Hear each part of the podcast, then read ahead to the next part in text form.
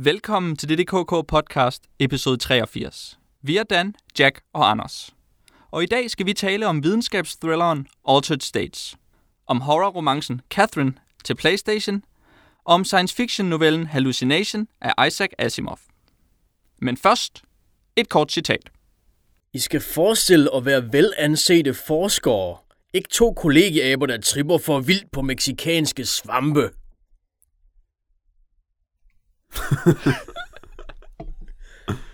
Nå, fordi så det er ligesom om, vi tripper på meksikanske Ja. svampe, fordi vi er to, der hører dit citat. Det er nemlig rigtigt. Tak, Dan. Tak Ja. for det citat. Jeg klapper lige mig selv på ryggen. Ah, sådan. Det var flot. Ja. Har du øh, helt, tænkt, helt selv udtænkt det citat, eller øh, har det været øh, påvirket af det ved jeg ikke, alternative øh, sindstilstande? Jeg er ret sikker på, at jeg er hallucineret. Halli, hallu. Øh, jeg hallucinerer stadig, tror jeg. Så øh, ja, der, jeg fik lidt hjælp på den måde. Jeg ikke ved, hvad jeg taler om. Hallucinerer os til en masse talefejl lige nu. Det er en, øh, en fremragende intro til vores, øh, til vores denne episode af DDKK podcast, hvor vi selvfølgelig skal tale om hallucinationer. Jeg er bange for, at vi kommer til at sige det lidt for mange gange til, hvad der er godt for vores, vores mund og tunge. Um, det må vi se til. Så kan det være, at vi i det mindste får det lært. Forhåbentlig. Um, og det betyder, at vi skal tale om tre emner, som alle sammen øh, har hallucinationer i sig, i den ene eller anden form. Uh, vi starter med at tale om den film, som Dan lige citerede. Den hedder Altered States. Den glæder jeg mig til at høre mere om. Jeg har selvfølgelig set den, men det bliver alligevel spændende at høre mere om den. Den kan man ikke få for, for, for meget af. Så skal vi tale om PlayStation-spillet Catherine. Tæt på, men nej. Catherine. Catherine. Um, et, øh, et PlayStation puzzlespil, som er rimelig spændende og rimelig spektakulært. Um, det kommer vi til. Og så slutter vi af med at tale om en lille kort novelle af Isaac Asimov. En uh, science fiction novelle, der hedder Hallucinations, som jo simpelthen banker vores tema på plads. Ja, det må man sige. Altså når noget hedder det. Hallucination. Ja, Der er Hallucination. kun en. der er kun én. Korrekt. Så øh, med den intro øh, skal vi øh, komme i gang med ikke alt det, vi lige har talt om, men først runden, hvor vi taler om, hvad vi har lavet siden sidst. Og det er Jack, der starter. Og der kan jeg også melde, at jeg øh, har gennemført et Atrian Odyssey-spil langt om længe. Det blev så firen, som er det fjerde spil i serien, til alle store overraskelse. Og det er jo et øh, japansk udviklet øh, dungeon crawl, old school RPG, kalder man det vist også nogle gange, som er udviklet og udgivet af Atlus, som vi måske vender tilbage til senere. Men øh, hvis spil jeg er rimelig glad for. Adrian Odyssey begyndte jeg første gang at spille med øh, det første spil i serien, som udkom i 2007, og så har jeg spillet de to næste, og nu det tredje næste, øh, efter hinanden. Jeg har aldrig gennemført nogen af dem, fordi de er kendt for at være svære, og de er rimelig svære. Især i de gode gamle dage. Og jeg har lidt lyst til at øh, tale om, hvordan firerne er anderledes end de andre spil, men det vil være lidt spildt, fordi jeg er den eneste, der har spillet de andre spil. Så i stedet vil jeg tale lidt om, øh, hvor hyggeligt det er at spille Adrian Odyssey. Det er jo nemlig et spil, som handler om... Ja, det handler om, at Yggdrasil står et eller andet sted, og du bestyrer et lille lav af eventyr, som skal ud og finde Yggdrasil. Der er forskellige grunde til, at man skal gøre det, øh, som har meget at gøre med den øh, socioøkonomiske tilstand i den by, man starter i at gøre, og med at man får sådan nogle gode venner undervejs og sådan noget. Men øh, det går først og fremmest ud på, at man skal gå ind i en labyrint, og så skal man i første person gå rundt og udforske den her labyrint, og man skal kortlægge den på sin nederste skærm. Og det er jo helt vildt sjovt at tegne kort, som alle har spillet Eye of the Beholder ved. Og undervejs så skal man slås med uhyre, og de er ret så svære i forhold til, hvad man er vant til fra mange rollespil nu om dagen. Der er jo heldigvis kommet lidt en renaissance af svære rollespil. Men øh, det kræver en del arbejde, men de har været rigtig gode til at lave nogle figurklasser, som udvikler sig med hinanden på en måde, der gør, at man har øh, rigtig mange muligheder for at sammensætte et lille hold, der virker godt med hinanden. Sådan at der for eksempel er en, der giver ekstra skade, hvis fjenderne er bundne på hænder eller fødder, og så har man en, som er rigtig god til at binde dem på hænder eller fødder, og får nogle ekstra øh, gevinster ud af, at de er bundne, som for eksempel, at, at de så helbreder din gruppe, mens de gør det. Så man kan sætte en masse ting op på den måde, øh, og det er rigtig sjovt at lege med, og så er der øh, en ret god udviklingskurve inden for, hvor meget ens mænd udvikler sig. som gør, at man hele tiden har lidt nyt at lege med, og man bliver hele tiden lidt bedre. Og samtidig bliver uhyrene hele tiden sværere. Og det er tit sådan, at man når til nogle bestemte minibosser på et eller andet tidspunkt i det øh, område, man er nået til nu. Hvor det sådan bliver rigtig svært, og man virkelig for alvor bliver nødt til at få styr på sin taktik, eller at grinde, indtil man er højt nok level til at vinde. Øh, og der har Firen ramt en rigtig god balance mellem dem, hvor man faktisk kan tilpasse sin taktik nok til, at man kan vinde over i hvert fald de fleste af bosserne med det, man sådan naturligt er nået til, hvis man bare er god nok. Øh, så det var, øh, det var sjovt og spændende spil. Og så får man en øh, fantastisk følelse af opdagelser, når man så endelig kommer forbi en af de her bosser, fordi de blokerer, hvilke verdener man kan bevæge sig igennem, naturligt nok. Øh, og så kan man flyve et helt nyt sted hen i sit luftskib, hvor der måske er is i stedet for vand, og så er det, så er det rimelig sejt. Sejt nok. Hvor længe brugte du på at gennemføre det? Det brugte jeg lang tid på. Jeg ved, det er lidt svært at tælle med sådan nogle computerspils timer. Øhm, men altså, 50 timer måske. Så mellem 50 og 100, vil jeg tro. Det føles som den størrelsesorden. Men der er ikke sådan et save game, hvor man kan se, hvor længe man har været i gang. Hvis du skulle sætte sådan en uh, aldersklassifikation på spillet, ligesom man gør med brætspil eller film eller sådan noget, hvor gammel vil du så mene, man skal være for at spille Etrian Odyssey-spillene? Øh, så skal man vel være 16 år gammel måske, hvis man er hardcore. Men jeg ved ikke, om der er nogen 16-årige, der er hardcore. Det er nok bedst at være over 30. og hvilken konsol er det, den udkommer til? Nintendo DS selvfølgelig. Eller 3DS for 4'ernes vedkommende. Det er vigtigt at sige. Øh, så I kan ikke spille det, medmindre I køber en 3DS. Eller venter en lille smule længere og køber en 2DS. man kan altid bare vente lidt, så kan det være, at man får spillene. Men det er måske lidt, lidt problematisk, eller lidt en, en sirlig situation, som de her spil er i, fordi de udkommer til en konsol, som ikke sætter pris på den slags spil. Og dem, der sætter pris på den slags spil, spiller ikke den konsol. Men det gør de jo det gør de der meget. Især det, sådan havde jo et, øh, hvad skal man sige, et kæmpe publikum i folk, som gerne ville spille skøre japanske rollespil, øh, som var så smal en niche, at det kunne ikke betale sig at udgive det til de rigtige konsoller, men så kunne man godt udgive det og udvikle det til det, og så. Og så kunne man importere lidt mere af det til Vesten, end man normalt ville have gjort. Så det er da det helt rigtige konsol til mærkelige RPG'er. Det er jeg enig i. Så øh, alle de skal bare gå ud og købe en DS. Det er altså nemlig ikke til børn. det er en misforståelse. Og de er ikke åndssvage. Det er jeg enig i. Dan, hvad har du lavet siden sidst? Øhm, jeg har lavet noget åndssvagt. Ja. jeg har set en øh, fransk gyserfilm fra 2002, der hedder Malefique. Øhm, den handler om nogen, der er i et uspecificeret fængsel. Fire øh, inmates, fire fanger. Og de vil gerne flygte af forskellige grunde, eller mest bare fordi de gerne vil ud jo. Og øhm, så finder de sådan en hemmelig Lovecraft-agtig bog, og så prøver de at flygte ved hjælp af den, med, med at gå igennem mure og sådan nogle ting, og det, det går grueligt galt for dem. Øhm, jeg, jeg fandt den på sådan en liste over undervurderede film fra år 2000'erne, og så tænkte jeg, nå, undervurderet og Lovecraft, så var det jo sikkert noget, jeg ville elske, men det gjorde jeg egentlig ikke. Det var bare sådan en, en mærkelig kombination af, at den både var lidt fjollet, og så prøvede den senere hen på at være uhyggelig, og så, så faldt begge dele bare til jorden egentlig. Det var lige sådan nogle få spændende øjeblikke, hvor, øhm, hvor den store stærke i, øh, i cellen, han så også øh, er, er transvestit, og så er han sådan meget surrealistisk en gang imellem. Og det, det var sådan set lidt fedt. Øhm, men så er det så han, ham, der sådan hele tiden bare skør, han er bare overspillet bare helt vildt, øh, og kan ikke sådan finde ud af at spille, at han tæller i søvne, så ligger han bare sådan og er, jeg ved ikke, altså, er sådan en mærkelig tegnefilm for tre år eller sådan noget, og det, det ødelagde ret meget. Øhm, og jeg har ikke engang noteret mig, hvem der har instrueret den, eller hvem der er med i den, fordi at det, er ikke, det er ikke en, man bør se. Nej, det kan jeg godt se. Jack, kan du stille øh, sådan to kritiske spørgsmål til en moderne horrorfilm på baggrund af det, som Dan lige har sagt? Hvorfor øh, skal folk, der laver gyserfilm, især franskmænd nu om dagen, så tit lidt mere bevæge sig ind på at lave fantasyfilm, så deres børn også kan få lov til at se dem, i stedet for at lave en ordentlig gyserfilm, hvor der rent faktisk sker noget frygteligt. Dan, svar på det. nu. Ja, ja det, det, det gad jeg virkelig også godt at vide. Øhm, altså den her, den, den vil jeg så sige, der ikke rigtig bevæger sig særlig meget ind i det der fantasy-land. Øh, den er bare... Øh, den, den er bare dårlig. Den føles bare lidt fantasy synes jeg. I hvert fald det, som jeg har ja. tilbage af den, fordi jeg kan ikke så godt huske den, men jeg okay. ved, at jeg har set den. Ja. Og den føles sådan lidt Junior caro Ja. Og så bliver det bare hurtigt sådan meget... Øh, det er så meget hyggeligt, det jeg husker fra den egentlig.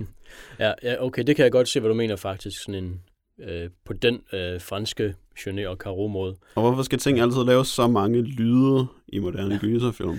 Ja, det sker godt nok også meget i den her. De skal bare Øh, virkelig have sådan nogle klart optaget Foley artist lyde på alt, hvad de gør. Ja. ja, det er sjovt, fordi man lægger også mærke til, jeg ved ikke, om det kun er i nyere gyserfilm, men der er mange, hvad hedder det, øh, både soundtrack og lydfolk, der er krediteret meget højt op på listen. Så det er noget, de virkelig lægger, lægger pris på, eller lægger vægt på, hedder det. Mm-hmm. Der var Men, nogen, der øh, fortalte folk, der laver gyserfilm, at lydsiden er meget vigtig for en gyserfilm, hvilket er rigtigt. Og så hørte de bare sådan, der skal være meget lydside i en gyserfilm. Fordi de var ja. mange lyde. Jeg frygter, det er det, der er sket, også ja, i den her. Og lige præcis det, du, du er jo inde på, Jack, med de er så isolerede, de er så kliniske, de er så unaturlige. Sådan en, et, et hyperrealistisk øh, lydbillede, som bare er skængert og forstyrrende i mange tilfælde. Det, det kan jeg så faktisk ikke huske, om Malefic havde. Men det er irriterende ved gyserfilm i hvert fald. Men jeg kan huske, at den er color graded, men så vidt jeg husker, så er den sådan, øh, starten af 2000'erne fransk color graded, ja. og ikke nyere fransk eller amerikansk color graded. Ja. Amerikanske gyserfilm er gråt color graded, mens franske moderne gyserfilm er sepia color graded. Ja. Det er den. Godt. ja, så Men det er sjovt, fordi den har, det er lidt sjovt det der med, at det er sådan en af de der gyserfilm, som er med på alle lister for undervurderede gyserfilm, og så er den bare virkelig overvurderet som Ja. ja. undervurderet gyserfilm. det må man godt nok sige. Altså, det er... Hvis den var på en liste over verdens dårligste gyserfilm, så ville jeg måske kunne se noget godt i den, men altså, ja, som det er nu, så nej. Hvis, I hvert fald, hvis den er skrevet af en, som man ikke kunne lide, og som man rigtig gerne ville være Ja. uenig med, så skulle man finde Ja. ja. noget godt ved alle de gyserfilm, der var på listen. Det kunne man nok jo. Det er nok rigtigt. Jeg har spillet et uh, computerspil, der var på min liste over computerspil, jeg gerne ville prøve at spille. Um, det hedder Shadowrun Returns, um, og er et, uh, et, hvad skal vi kalde det, taktisk RPG, der er udviklet af Hairbrained Schemes uh, under ledelse af Jordan Weisman. Og Jordan Weisman, han lavede i sin tid et rollespil uh, af samme navn, altså bare Shadowrun. Tilbage i, hvad var det, start 90'erne eller noget i den stil måske, øhm, som handler om en, en fremtids meget Blade Runner-inspireret verden, men hvor der også er orker og elver og dværge på samme tid. Og øh, så er der sådan et, et særligt øh, cyberpunk-hacker-tema viklet ind i det på samme tid. Um, og det her RPG, det starter sådan meget, øh, altså computerspillet meget, meget typisk op med, at man skal generere en karakter, og så kan man vælge mellem raser, og man kan vælge mellem sådan nogle klasser, som hedder noget helt andet, end, end de plejer at gøre. Og så kan man vælge en, der, en, der er god til at hacke, eller en, der er god til at styre sådan nogle små robotter, eller en, der er en samurai, men i virkeligheden bare har en shotgun. Um, og sådan øh, en eller to forskellige slags magiske karakterer, som, som kan ting og sager. Um, og så bliver man ellers kastet ud i sådan en meget, øh, for genren vil jeg sige, meget, meget lineær oplevelse, hvor man bliver taget fra scene til scene, og så skal ja, udspille et, øh, et, et plot, hvor man skal finde ud af, hvem der har dræbt en person. Um, motiveret af at få penge selvfølgelig. Og så øh, er man en slags detektiv i en fremtidsverden, hvor man så hele tiden møder folk, som man skal slås med. Og så er der et taktisk RPG-kampsystem, hvor man flytter sin mand et antal felter, som han kan gå, og så slår man eller skyder man på folk, afhængig af, hvor mange gange man kan handle i sin tur. Øhm, jeg vil lige spørge, det, det der med, at der både er ja, ha- hacker, hacker og teknologi og den slags, og så magi, hvordan synes du, det virker, at de differentierer det fra hinanden nok til, at, at det berettiger begge tings eksistens? Jamen altså, nu er det jo så, så differentieret, at man ikke kan bruge hacking til noget. Så på den måde, så virker det fint. Men så er det fantastisk. Der er nogle, nogle meget øh, udvalgte situationer, hvor du skal bruge en, de kalder det en dækker, altså som i et dæk, som i et hacking dæk. Um, En det for- computer til at hacke med. fordi det forklarer sig selv. Ja. Øh, og, så, øh, og så er der nogle situationer, hvor man har brug for at hacke folk, Ja. ja. eller hacke sig ind i nogle systemer, og så kommer der faktisk et, et lille minigame, hvor man så hacker ind i en, en anden slags kampsituation, Okay, hvor man har sådan et øh, hacker alter ego, hvor magi, det er bare magi. okay. Så magi, det er ildkugler og lignende, og hacking, det er, at man løber rundt på et andet plan, kan man måske kalde det. Noget i den stil. Okay. Ja, det er vel en differentiering, men hvis man ikke kan bruge hacking til særlig meget, så er det en, en skam. Altså, man kan bruge den i udvalgte situationer, men, øh, men det er ikke nødvendigt. Eller det, jeg fandt ret hurtigt ud af, at jeg lavede et rigtig dårligt valg af at lave en hacker-dværg.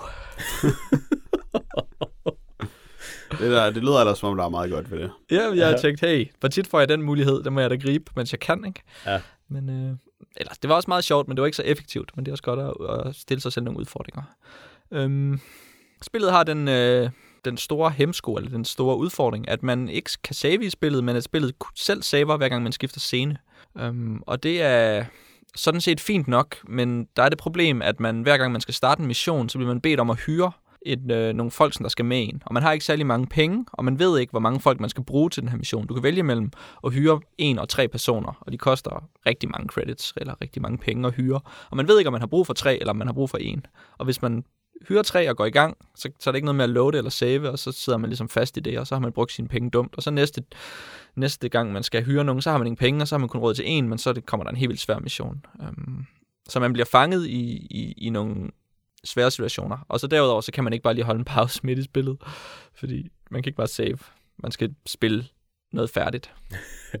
jeg, jeg kan huske, du taler om, at du havde den tit bare minimeret kørende på din computer, ja. Shadowrun Returns. det er man lidt nødt til, hvis man ikke lige gider mere. Så tænker man, at jeg vender tilbage til den og spiller den senere, så jeg minimerer den bare. Og så hen på aftenen, så beslutter man sig for at slukke sin computer og, og miste sit save game. Så. Men hvis du var kommet til at hyre for mange mænd, som du brokker over, kunne du så ikke bare rage quitte? Vil du så ikke det, der hvor du havde været sidst? Ved starten af missionen? Jo, det kunne jeg nok godt. Du har ikke overvejet at rage quitte? Nej, jeg tænkte ikke, at jeg bare, at jeg bare kunne lukke programmet. Det virkede som, øh, som en træls måde at spille spillet på. Save scumming. Hvad, hvad, hvad dækker det? Det er øh, sådan et udtryk, som man bruger i roguelikes, fordi at du tit kan øh, fordi der quitter du jo spillet, når du gemmer, og det er den eneste måde at gemme på. Men så kan du kopiere dit save game fra at have lukket spillet et andet sted hen, og så kan du spille, og så hvis du dør, så kan du lukke spillet og kopiere dit save game tilbage igen. Og så kan du alligevel sådan blive ved med at låde det, selvom man egentlig ikke skulle kunne det. Wow. Save scumming. Hvorfor vil nogen, der spiller Hvorfor vil nogen, der kan lide at spille roguelike, snyde på den måde? Fordi det er bare ærgerligt. Dan, hvis de nu bare har en virkelig god mand, Ja, okay, hvis jeg er en virkelig god mand, så kan jeg godt Altså se. virkelig god. Ja. Virkelig god mand, og så spiller de dårligt. Ja. Men jeg synes, det, altså jo, øh, den her save-ting, den, den øh, har de fået meget på puklen for, og der er ikke rigtig grund til at sige mere om det. Altså det er, det er også fint. Det er, en, det, er en, det er en ok måde at spille det på, og det, det er rart, at man ikke kan save midt i, midt i et, et taktisk spil, fordi at så... Ja, det, det bliver lidt for fjollet. Um, så det er sådan set fint nok. Det er mere interessant det her med, at spillet er så utrolig lineært, og så det er et RPG på samme tid. Det føles meget mærkeligt. Um, og det føles meget, meget tomt og sådan meget... Altså man bliver ligesom præsenteret for alle klasserne og alle abilities rigtig tidligt, øhm, og, så, og så har man bare det hele til rådighed, fordi man kan hyre alle folk. Og så skal man igennem den her meget, meget lineære, nu skal du gå herhen, nu skal du gå herhen. Der er ikke noget med, at man føler, at man, gør, at man har et præg på den her karakter, som man selv har bygget op fra starten af. Um, XP-systemet er fuldstændig lineært med, at hver gang du klarer en mission, så får du nogle XP. Det er ikke noget med, hvem, hvor mange du dræber, eller hvem der dræber hvilket monster, og så får du XP efter det. Så, så det synes jeg begrænser det som et RPG utrolig meget. Men kan du ikke bestemme, hvad du skal bruge din XP på? Jo. Så har du da også indflydelse på din mand. Mm, det er rigtigt. Så er al din kritik af spillet der ugyldig. Nej, det er den ikke. Jeg kan ikke, øh, jeg kan ikke føle, at jeg er god til spillet på grund af, at jeg kan få flere XP for noget, eller jeg kan gøre noget alternativt, eller jeg kan vælge at dræbe monsterne med den samme mand hele tiden, så han får alle XP'en eller sådan noget. Og, og det her med at udfordre og udforske mine karakterer gennem øhm, og bygge karakteren op med XP, det, det er også ret uinteressant, fordi jeg kan bare hyre folk, som har alle de egenskaber, som jeg er interesseret i at finde ud af, hvad jeg kan. Du kan da med altid kan hyre en mand, så vil det være sværere for dig, når du fik en svær mission. Ja, Ja, det legede jeg faktisk også lidt med den tanke der. Og så, og så den karakter også ligesom ville følge mig, og så ville jeg prøve og lade som, jeg spillede Baldur's Gate, men jeg spillede Shadowrun. men nu siger du, at det er sådan nogle øh, gamle rotter i rollespilsfaget, som har lavet det. Er det så en god historie, som det fortæller? Den lineære historie, i det mindste? Jeg ved, du, du er måske den forkerte at spørge om det, men fordi du havde historie i computerspil. Ja, nej, men den er, jo, den er ok. Den er god. God nok. God nok til, at jeg var interesseret, men så var det sådan lidt, lidt plat, og så blev jeg skuffet. Så det er ligesom at læse sådan en lidt god cyberpunk-novelle, men så bliver den dårlig og det hele er sådan skruet lidt op på, uh, det er nogen, der høster organer, og så taler folk grimt, og det er sådan lidt, lidt for voksne, det hele. På den barnlige måde? Yep. Ah ja, den voksen, ja. Øhm, hvad hedder det? Jeg synes, jeg har hørt, at der kommer flere historier, eller flere, jeg ved ikke, hvad man skal kalde dem, moduler til Shadowrun Returns senere. Ja, det er rigtigt. Øhm, og der er også øh, tale om at lave om på saving-systemet og forskellige ting. Og der er stor håb om, at communityet kan samle det her op, fordi det er et åben modifikationsklient, hvor man kan lave sine egne baner og sine egne historier. Um, så der, der satser man på, at, at folk kommer og samler den op og gør det ordentligt. Så hvis vi laver sådan en halvdårligt spil, så er der sikkert en masse frivillige, der gider at lave det færdigt for os. Mm. det er en, ja, det er storsindet af de udviklere der, det synes jeg. Hvis man så bare også lige havde fået kickstartet penge fra starten af, det havde så de, ville ja. det være helt perfekt. ja. ja. Og det er lavet i det danske Unity, hvilket er interessant for dem, der følger med i, hvad man kan med det. Jack, har du mere? Jeg, øh, jeg kom til at sige Good Morning Vietnam forleden dag, fordi der var nogen, der øh, påtalte, at det var mærkeligt, hvis man ikke havde set den film, og jeg havde ikke set den. Og så siger jeg, Nå, det, hvis det er mærkeligt, så må jeg hellere få gjort noget ved det. Og det er jo sådan en ting, man hører om i kulturen. Den bliver omtalt som en film, der findes, og som en film, der er blevet set af forholdsvis mange mennesker. Og jeg fatter overhovedet ikke, hvorfor. Jeg synes virkelig, det var en, noget kedeligt bras af en film, som mest bare handler om at kigge på Robin Williams, mens han overhovedet ikke er sjov. Men selvfølgelig lidt ligner sådan en, en lidt liderlig pandabjørn, som han nogle gange gør. Og det er jo sådan ret charmerende, men Ja. det er virkelig en kedelig film, hvor der ikke sker noget, og hvor den ikke handler om noget. Og så er der et kæmpe mega dumt twist til sidst, hvor han bare bliver forrådt af en, som man var fuldstændig ligeglad med. Og så skal de lidt forholde sig til krigens redsler, og hvor synd det er for vietnamesere, at der er krig i deres land, og det gør de bare rigtig barnligt og dårligt, ved at Robin Williams bare skal lege med nogle børn.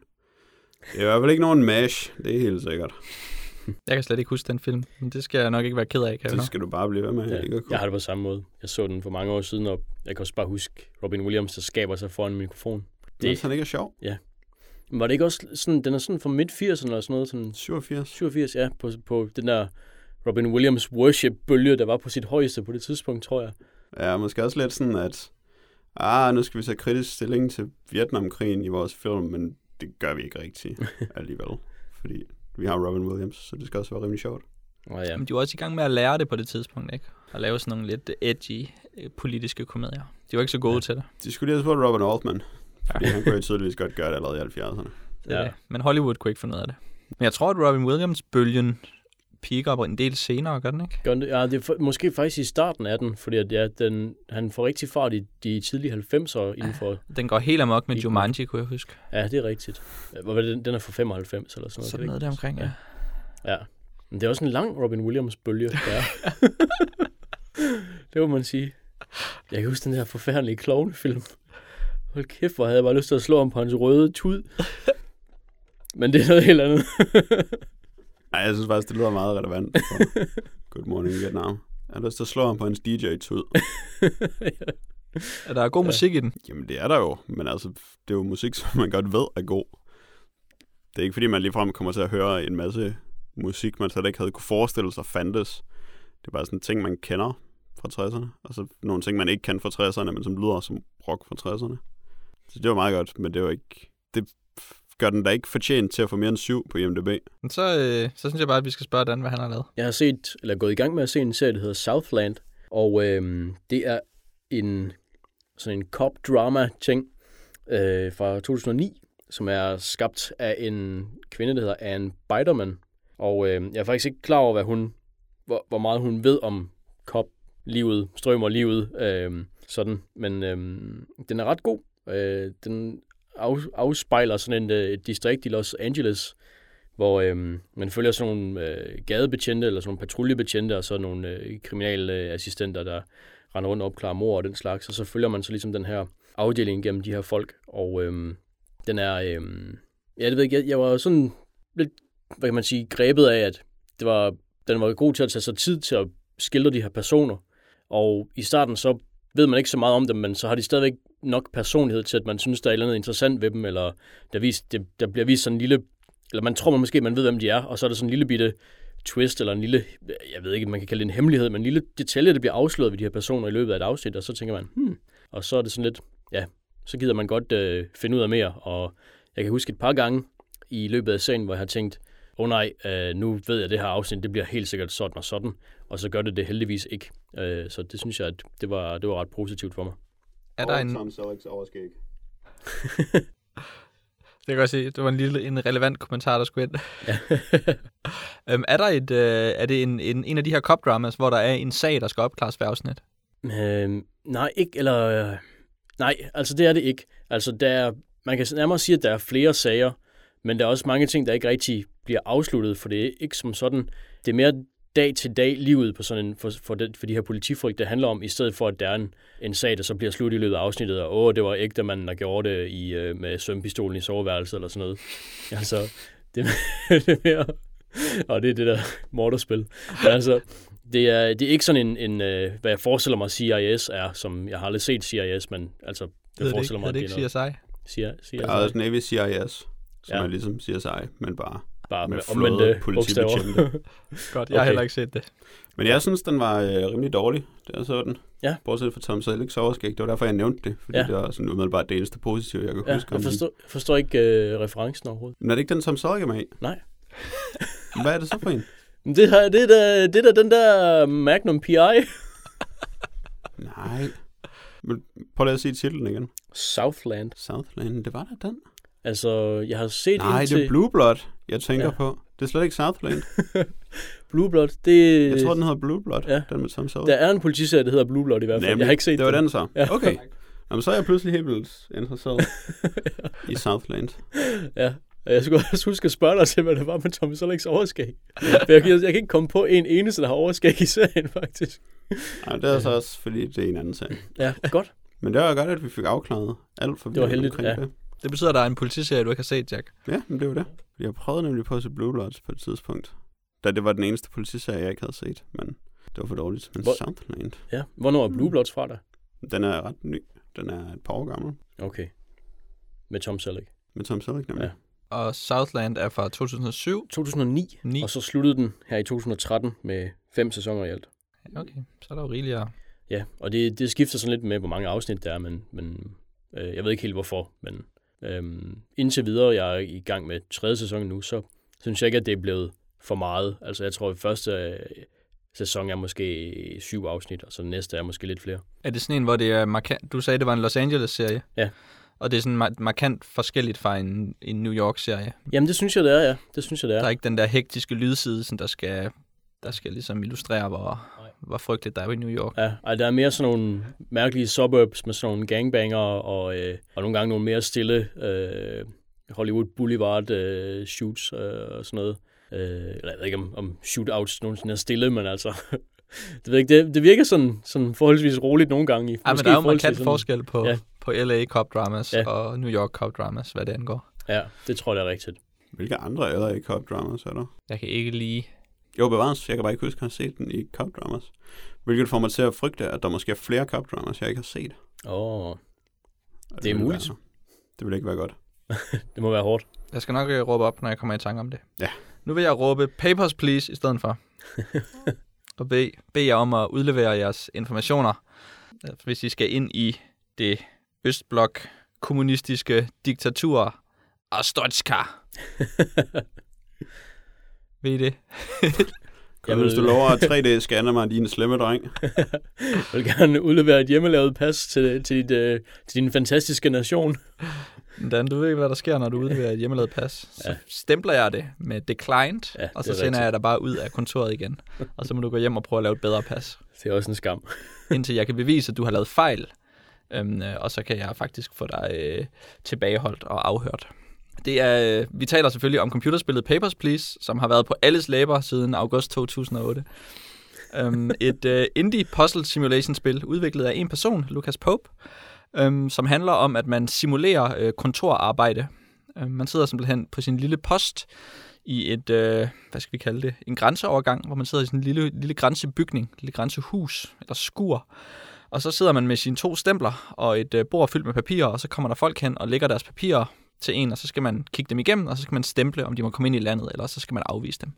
Og i nogle tilfælde kan man få dem tilbageholdt. Og det er alt, hvad man gør øh, på en arbejdsdag, og man har en cirka, jeg tror det er en 12 timers arbejdsdag, og så når man kommer hjem, så øh, jo flere man har fået igennem sin grænsekontrol, jo flere penge får man, og så håber man ellers på, at der er råd til husleje, og til varme, og til mad, og til medicin til sin store familie, bestående af en selv, sin kone, barn, onkel og svigermor.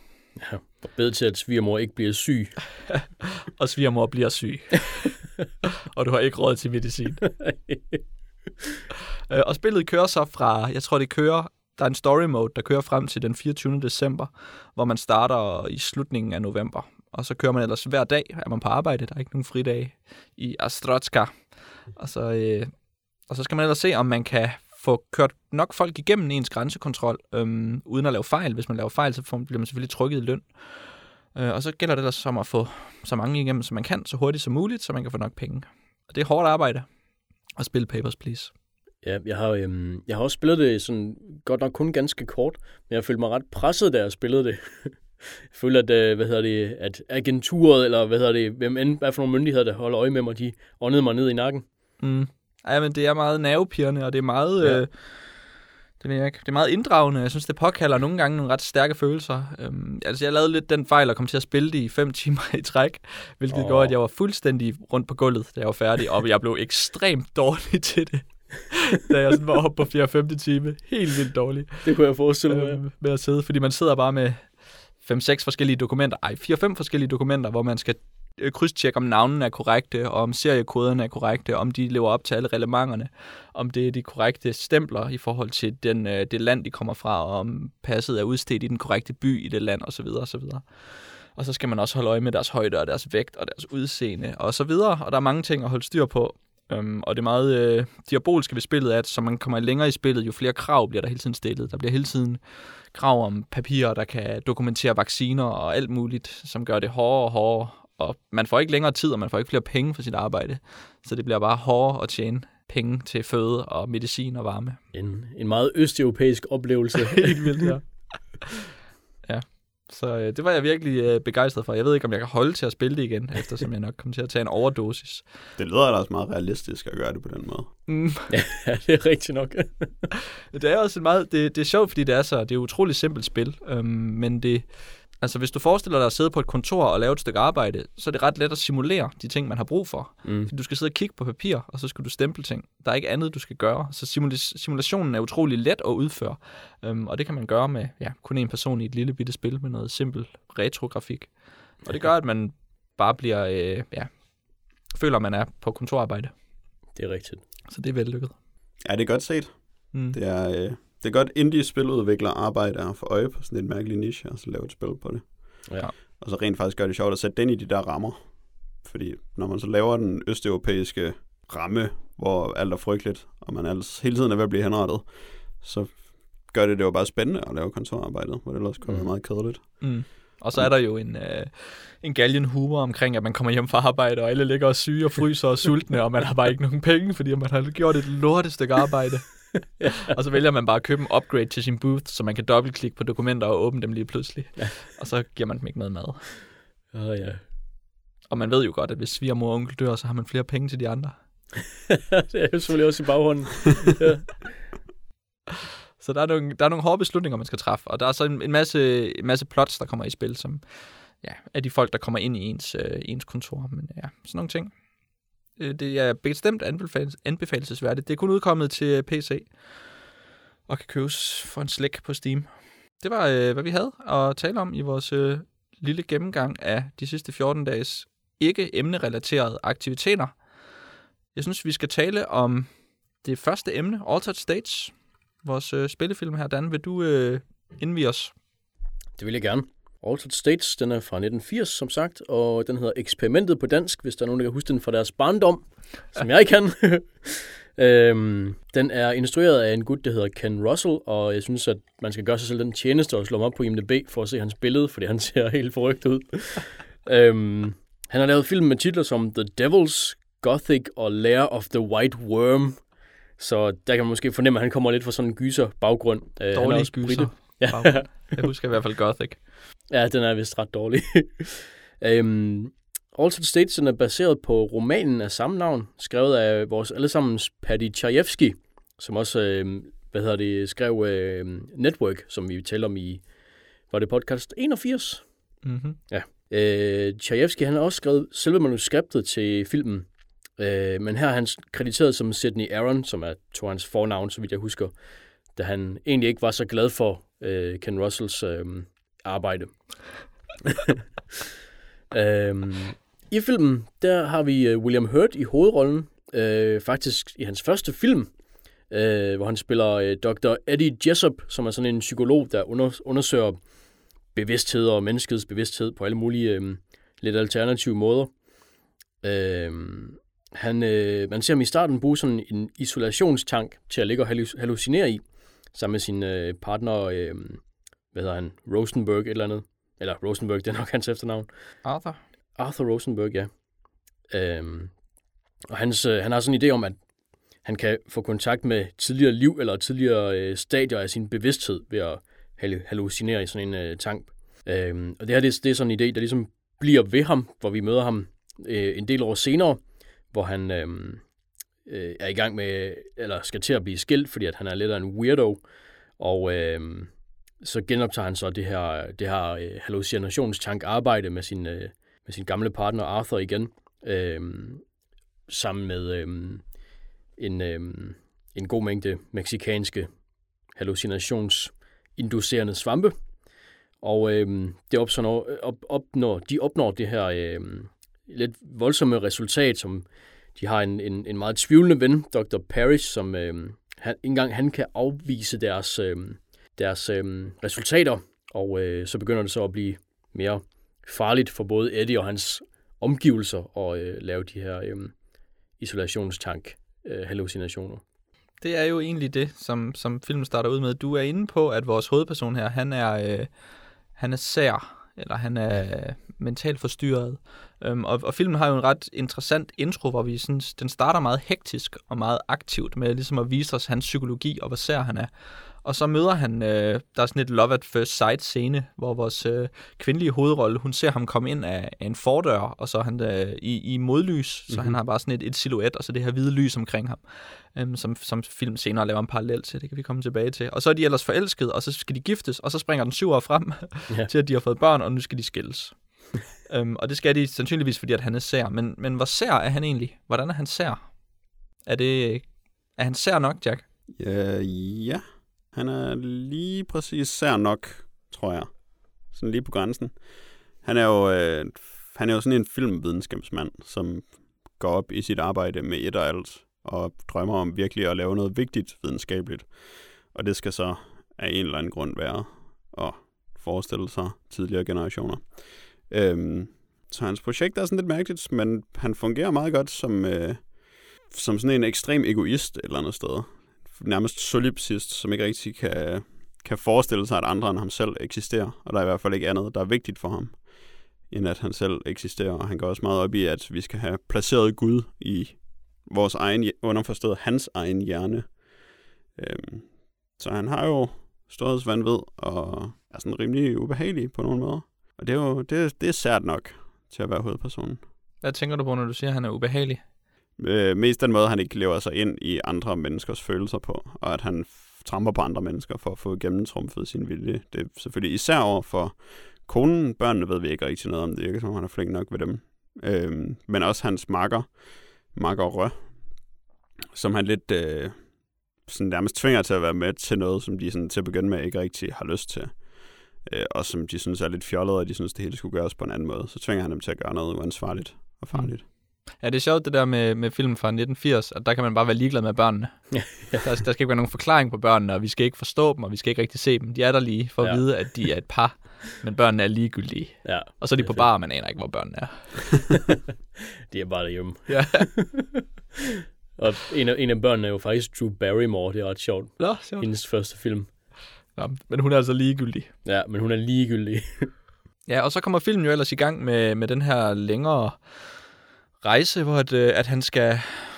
Hmm, det er vel lidt en, en snørklet vej for at nå hen til sine pointer, den har. Øhm, synes du, det er en, en, en let rejse at se den her film, Dan? Du, nu ved jeg, at du godt kan lide den, men, ja. men jeg har det måske, fordi at jeg har det som om, du godt kan lide den på grund af nogle, nogle specifikke nedslag, ja. som, som, som tiltaler dig, men er den ja. som en helhed måske? Hvordan er den, eller så kan jeg spørge dig, hvordan er den som en helhed? Ja, som en helhed, så er den ret øhm, Øhm, altså, så er det ikke så god en helhed, kan man sige.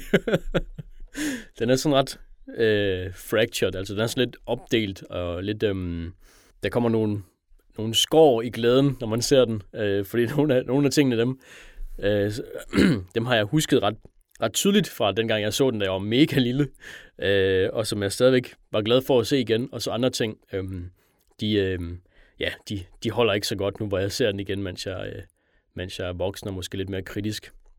Der er for eksempel den her, øhm, det her kærlighedsplot, hvis man kan kalde den det. Det med, at øh, hans kone, hun er, øhm, hun elsker ham rigtig meget, får man indtrykket af, og det siger hun også, og det er meget ulykkeligt, fordi at han kan ikke rigtig finde ud af at, at, at holde af hende. Ja, hun er jo nærmest besat af ham. Ja, det siger hun vist nærmest med de ord.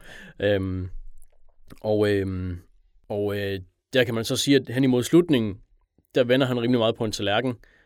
Og, øh, og det virker, øh, det virker sådan meget påklistret. Det virker som en mærkelig slutning i forhold til, hvad han ellers har, øh, har foretaget sig i løbet af filmen. At så er det som, at, at jeg tror, det er meningen, at vi skal føle, at deres kærlighed vinder over alt muligt andet. Men, men det, det, det var ikke noget, der leder op til, eller beviser, eller, eller antyder, at den kan, fordi han har ikke rigtig vist nogen kærlighed op til det punkt. Øh, så det er, øh, det er i hvert fald noget, der ikke, der ikke holder så godt, det her, øh, det her kærlighed. Det, at han overhovedet kan vise kærlighed, øh, det, det tror man ikke rigtig helt på. Øh, og det synes jeg ikke, der er nogen øh, fejl af William Hurts, fordi jeg synes faktisk, han gør det ret godt som den her tossede øh, øh, videnskabsmand med sådan mærkeligt smil og sådan nogle ret store øjne en gang imellem, der sådan virker ja, ganske vanvittige at, at se på. Ja, han er jo den der øh, sådan bløde, bløde mand på en eller anden ja. måde. Øhm, sådan en, øh, han render rigtig meget nøgen rundt i filmen på ja. sådan en, øh, en skrøbelig måde. Um, det er rigtigt.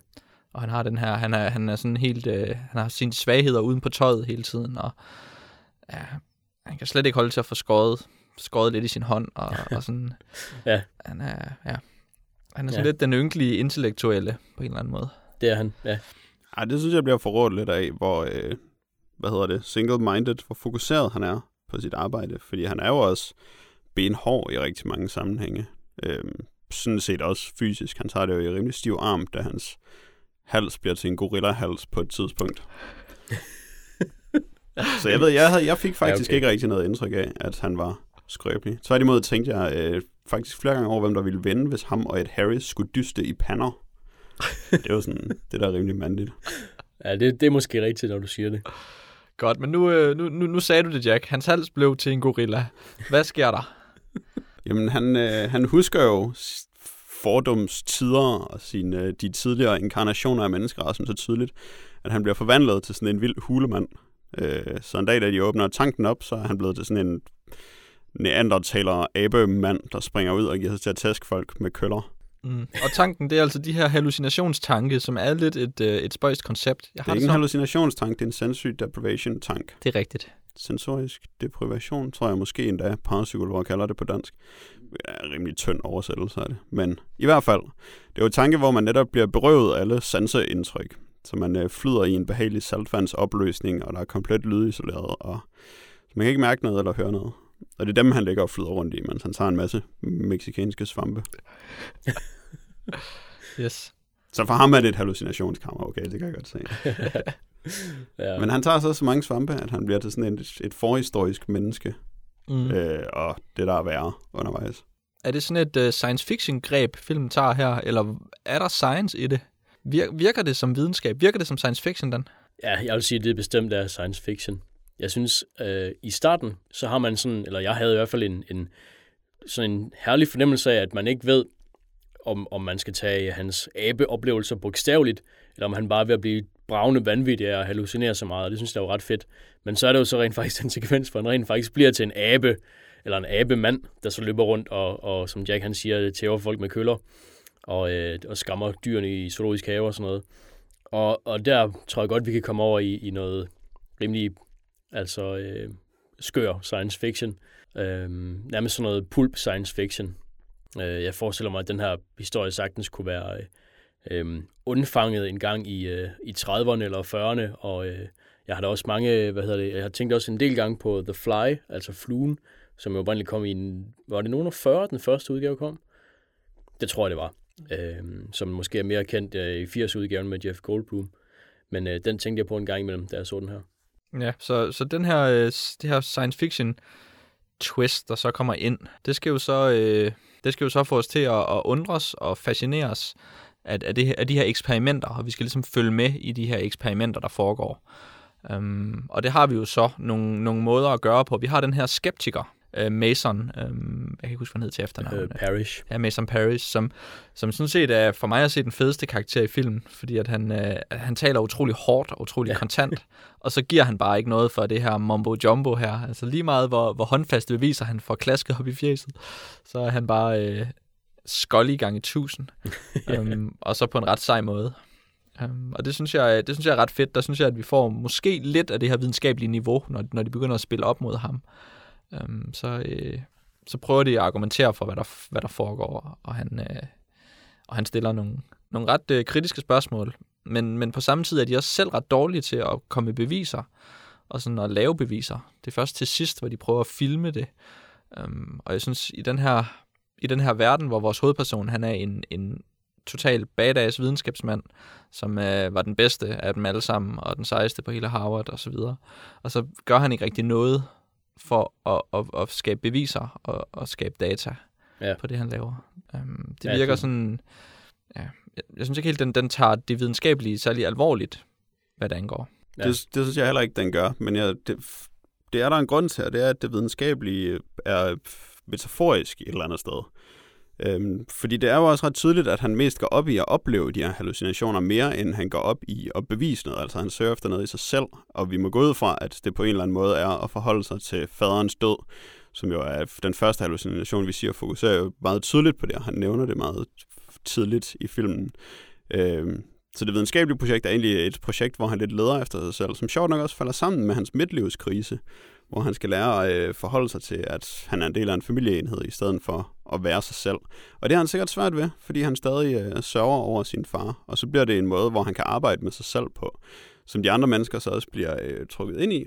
Og det er også derfor, at jeg synes ikke rigtigt, at... Jeg synes, det giver meget fin mening til sidst, at han så ligesom har fundet kærligheden, fordi han når den der rock bottom, i den sidste scene, hvor eksperimentet det går helt op i hat og briller, uden at vi måske behøver at komme yderligere ind på det. Men det, det bliver i hvert fald rimelig vildt. øhm, og det er så ligesom den der bane, han har gjort, hvor han har søgt efter et eller andet, søgt efter øh, sig selv i virkeligheden vel, i det her med, at Gud er i hans egen hjerne, og han skal finde Gud, og han skal finde ud af, hvad det egentlig er, og hvad et menneske. Og det finder han så ud af til sidst, da han øh, indser sin egen dødelighed.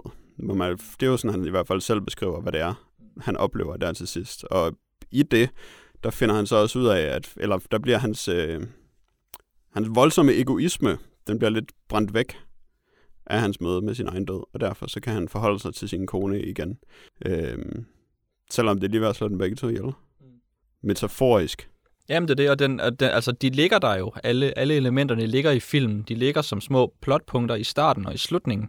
Og så har den en, en meget rodet midte, hvor den ikke rigtig håndterer dem, og hvor den ikke rigtig fortæller os, at det er det, det her handler om. Men altså, han, han siger det jo, de siger det hele sort på hvidt igennem, øh, igennem filmen, hvad der er, der foregår, og hvad der er for nogle motiver, der driver dem. Um, men så, så er det lige pludselig vigtigt at have en lang scene med en abemand i en zoologisk have. En ret lang scene, faktisk.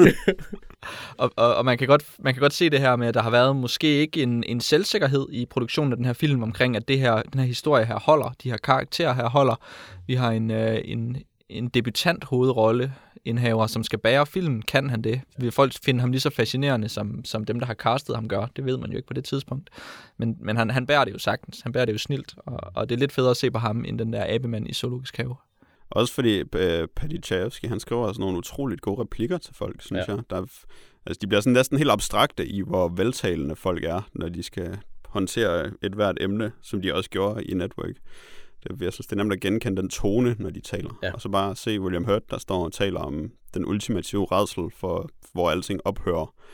Det, det, det er lidt bedre, end at se en abemand, fordi en abemand har bare aldrig været en god, et godt uhyre, en god skurk. Det er bare, det er, lidt, det er lidt ligesom, hvor skuffet man blev, første gang man endelig læste Murders in the Rue Morgue, og fandt ud af, at morderen bare var en orangutang. Fordi, ja. Okay, det kan godt være, at det var mærkeligt i 1800-tallet, men det er altså bare ikke sejt længere. Vi ved godt, at der findes aber, vi har set dem alle sammen, og vi er ikke spor bange for dem. Hold op med de aber. Ja, stop med de aber. Nå, effekterne. De, de, må vel, de, de må vel kommenteres, fordi de er så retro fede. det må man godt nok give dem. ja, det er sådan meget tidlig uh, øh, CGI. Uh, øh, uden, uden at være ekspert på området, men, men det, det er helt vildt noget af det. Og det, jeg synes bare, det hele det var mega fedt. Og også de der øh, hallucinationssekvenser, øh, som tydeligvis er lavet af en britte, der har set masser af hammer horror, der bare skruer op på 11 med syvhed, syv, hoved, øh, syv øjede geder og slanger og kvinder, der giver folk, eller giver, ja sådan, hvad hedder det, laver sådan en Eva-metafor med nogen, der bliver fodret med et eller andet mad og sådan noget. Men, undskyld, jeg arbejder, men der er vel ikke CGI i det? Er det ikke sådan nogle analoge effekter det hele? Der er vel ikke noget af det, der er lavet på computer? Øhm, altså, jeg... det, det er mixet i en form for på en, en computer. Men der er ikke noget af det, som er computergrafik? Hvis, det, det er jeg ret sikker på, det er. Oh. Okay. Øh, det, det synes jeg i hvert fald, jeg kunne læse mig til, da jeg læste om filmen, at de havde brugt. Jamen, jeg lader mig gerne rette, fordi jeg ved det Ja. ikke. Jeg synes bare ikke, der er noget af det, der så særlig Ja. computeragtigt ud. Jeg tror, at øh, det er der blevet, i, i hvert fald i, øh, i ja, korridorscenen, som vi måske kan omtale, at der, havde de, der skulle de have brugt noget, noget CGI. Mm. Øhm, og det er jo også en, en fantastisk scene, som jeg husker meget, meget tydeligt. Ja, men det er alligevel øh, det er meget latexen, der bærer den. Ja, Ej, Selv det er hvis det der også. er brugt lidt computergrafik i den. Og det er fedt, at når de nu endelig har computergrafik-systemet sat op, og de skal lave film, at de så ikke laver titles, der er totalt computergrafik. Ja. Det plejer man nemlig at gøre i den tid. Ja. Når man endelig har det, så skal man også lige lave introen og outroen Ja. med sådan nogle, Det det. nogle fede tekster og ja. effekter. Det gjorde de meget mere subtilt og meget mere dunkelt egentlig. Ja, det kommer sådan springende ind i de her, det, er- det er de her symbolske montager, der kommer Ja. ind og skal vise os synerne, som jeg øh, må indrømme, er rigtig, rigtig skuffet og uimponeret over. jeg synes, at de fedeste hallucinationsscener i den her film, det er, når han ligger inde i tanken, og vi hører ham tale. Ja, Det er Øhm, også- det er og også specielt rigtigt. scenen, hvor, øh, hvor vi har, øh, hvad var det igen, han hed, ham skeptikeren. øh, Mason. Mason, Ja. ja. Hvor, han, hvor han går rundt om den her tank, og vi bare hører ham tale. Ja, Altså, det er da sådan, en, en hallucination skal udspilles. ja, det er fedt. I, I stedet for det her hektiske montage halløj med geder og solnedgang og øjler. Det synes jeg var da mega godt. Der må vi blive enige om at være uenige i den. Ja, det er også okay. Ja, især når man har så gode skuespillere, som faktisk sagtens ville kunne. Fordi jeg synes også, de to biroller, hans to videnskabsmakkere, de er også rigtig gode. Især Mason, som du også siger, Anders. Han, han var selvfølgelig også min favorit, fordi han var sur hele tiden og råber af folk. Det gør han også godt. Men også sammen den anden, han er sådan rimelig god til at se virkelig ligne sådan en blød 70'er mand. Det er helt vildt så sød og rar, han ser ud i den der første scene, hvor han sidder med sin EEG. Ja. Han har den blideste stemme. ja. Indtil sidst, hvor han hisser sig op. Hvilket er ret fedt, egentlig. Altså, det var Mm. hans bedste scene, det er den der på badeværelset, hvor han endelig går op i det videnskabelige der og brænder for det. Altså, der imponerer han meget mere, end, end han bare har gjort som sådan en pyntelig, blød 70'er mand i Ja, vi, vi kender de der øh, de tekniske positioner på universiteterne. De, den type, det, det tiltrækker, ikke? Og Dem, der ikke helt, klar, ikke helt klarede det, men er tilfredse med at være i det akademiske miljø som en tekniker. ja. Og så er de bare ah, totalt døsede og uambitiøse og kedelige. Og så, og så de 70'er mænd samtidig. Ja. Ja. Så bliver det endnu vildere. Men ja, det ville have været fedt, hvis de mere bare sådan oplevede, at han hallucinerede. Tror jeg, man kunne have gjort ret stærkt. Ja. Ja. Det, når det så er sagt, så kunne jeg også ret godt lide især den der hallucinationsscene med geden. Det, er, Ja. det var så... De går så meget op i at være så 80'er, som Ja. ja. de overhovedet kan. ja, det gør de virkelig. Den, det er en smittende begejstring, Det synes jeg. selvom det er dårligt. Det kan vi godt blive enige om, det er. Øhm, jeg tænkte på et tidspunkt, så øh, jeg tror, det er hans kone, hvad det hun hedder, Emily, øhm, spillet af Blair Brown. Hun nævner vist et eller andet med, at øh, han er lidt ligesom Faust eller sådan noget. Jeg ved ikke, om tænkte de nærmere over det, øh, eller tænkte de bare, det var en name-dropping af Faust i, i løbet af filmen. Jeg tror endda, at hun udlægger den... Hun siger, at han har et faustisk kompleks, Ah, det er sådan der. fordi at han, øh, at han vil sælge sin sjæl Mm-hmm. for, for sandheden. Men det, var, det, det bliver så... Altså, fordi videnskabsplottet, det kører så meget af sporet så hurtigt, at det så hurtigt bliver dumt, den måde, det har med videnskab at gøre, så virker det også bare som om, den tolkning af ham kører så meget af sporet, fordi faderkomplekset er meget tydeligere end Faustkomplekset. Øhm, så man forstår godt, at hun tolker ham sådan i den der tidlige fase, og det har sikkert været en god, langsom opbygning af ham i romanen, men i filmen, der, der er det bare sådan en mere af de der replikker, som hun ikke er særlig god til at være. Jeg synes ikke, hun var særlig god. Nej, der kunne måske øh, være lidt mere øh, gods i hende. Og så synes jeg ikke, at altså, Faust-historien øh, giver ikke filmen særlig meget. Nej, jeg synes heller ikke, det var noget, jeg, jeg, jeg forbandt med selve filmen, at det var bare noget, hun lidt synes, og så var det måske lidt mærkeligt, at det var, at det var inkluderet. Ja, det er en mærkelig film. Um, en meget øh, sammensat oplevelse, synes jeg. Øhm, jeg vil sige, at jeg fik lyst til at læse bogen, for at se, hvordan den adskiller sig fra filmen. For at finde ud af, hvad der skete i de der syv år. for eksempel, for at se, hvad det var, Paddy Chayefsky, han var så sur over i forbindelse med filmen. Og øhm, han synes i hvert fald, det skulle være mere en kærlighedshistorie, kan jeg forstå. Og, øhm, og det, ja, det synes jeg så heller ikke rigtigt, at det her det var særlig meget, så det kan godt være, at det, det er en eller anden mere kompleks kærlighedshistorie i, i løbet af bogen. Nej, det bliver sådan en, øh, en deus ex machina kærlighedshistorie til sidst, hvor at, Det føler jeg også lidt, det gør. at han bliver konfirmeret gennem ægteskab. Ja. Jeg prøver at sige det så ofte, som jeg kan. Det er altid det, der sker. Men det gør, ja, jo, man kan godt sige, at det det er jo så ikke Machina, men det kan også bare, altså jeg ser det mere bare som et symbol på, at hans personlige rejse er slut nu. Øh, og på den måde er det jo bestemt ikke en kærlighedshistorie. Det har, det hører ingen steder hjemme og har ikke noget med filmen at gøre, kærlighedshistorien. Så hvis det var det, Patty Chayefsky han ville have, så er det ekstremt mislykket. Så forstår jeg godt, at han ikke vil have sit navn på det. Men jeg synes bare, der er så meget potentiale i den slutscene. Jeg ved ikke, om vi... Nu har vi und, undgået at tale om den, så det, vi skal måske ikke gå i dybden med den, men bare det... det øh, altså, det er virkelig en episk scene, hvor han ser sin dødelighed i, i, den, i den sammenhæng, som han gør. Ikke? At det er, den kunne man godt have, have gjort mere ud af. Den kunne, der kunne godt have, de kunne godt have befundet sig i den verden på det tidspunkt, eller et eller andet, i stedet for en gang. Ja, Ja. Jamen, det er rigtigt nok. Fordi det er jo sådan set, der er en masse gode idéer. Jeg forestille mig, at det er en god bog, som du er inde på. Altså det, at mange af tankerne og koncepterne er utrolig fede, men, men det er lidt for let overført til film. Så skal vi have den her tank her, fordi tanken den er virkelig god på tv. Og så skal vi ellers have en abe, fordi den er god på tv. og så skal vi have ham over i en zoologisk have, fordi det er fandme god tv. Ja, ja. Øh, Puha. De aber der. ja. Så kommer der bare en tiger lige pludselig. Nå, i, der var en tiger. Ja, der er en tiger. Uh. Så I det, han slog elefanten. Ja. Wow. Jeg tænkte, Wow. det var da vildt. Ja, var det, var det en ægte elefant? Ja, det er ikke særlig godt. Nej. Det er ikke... Øh, som effektfilm er det noget mærkeligt råd i hvert fald. Mm. Ja. De er også bare så forskellige, de scener, hvor der er effekter i. Så den der collage-scene med hans hallucination til at begynde med, minder jo ikke om korridorscenen Nej. til sidst. Som er for uhyggeligt, så at vi kan afsløre den i radioen. Jeg var godt nok hunderet, da jeg så den, da jeg var lille i hvert fald. ja, jeg husker den også meget stærkt, fra da jeg var ung. Ja. Øh, men mest husker jeg faktisk øh, William Hurt, Mm. fra da jeg var ung. Og sådan bare hans replikker. Ja. Der var mange af dem, som jeg sådan, da jeg så filmen igen, så kunne jeg sådan virkelig huske replikkerne, at jeg havde set dem, og at de havde gjort et kæmpe indtryk på mig. Sådan uden at jeg var klar over, at de kom fra den film, eller hvad han havde sagt. Fedt. Ja, men han er virkelig dygtig. Han, har, han, er, han er skrøbelig og ærlig, og han brænder igennem, ja. og det virker som om, at han bare sælger sig selv, når han Ja. spiller skuespil. Det er fedt. Det er fedt at se på. Men det er også lidt meget, når der så er et ovl, der kører derud af i 1000 km i timen, og en masse krydsklipning til øjler. Og... Ja, tusindøjet geder. Jeg synes, vi skal falde lidt ned på jorden og have noget lidt mere roligt, Jack. Kan du ikke uh, tage os igennem det næste dejlige, simple, mondane i den engelske betydning emne? Den næste midtlivskrise i dagens program. Ja, tak. Øh, jo, jamen det handler selvfølgelig om spillet Catherine, som øh, er lavet af Atlus, som vi har nævnt tidligere i programmet, men som vi også har nævnt i et tidligere program, nemlig øh, episode 73, hvor vi talte om øh, Shin Megami Tensei Strange Journey, hvor jeg gennemgik en masse om firmaet og hvad de havde lavet og sådan noget. Så hvis man vil have den lange udgave, så kan man høre det. Men jeg kan godt lide, at vi har sådan et Atlus-spil hvert 10. afsnit. Det synes jeg, vi skal holde fast ved. Øh, det eneste nyt, som er sket siden dengang, er, at Index Corporation, som ejede Atlus, de fallit i 2013 i år, øh, og blev købt af Sega. Så nu er det officielt Sega, der ejer dem. Ah, men så er man da rimelig sikker, hvis man ejede sikker, hva'?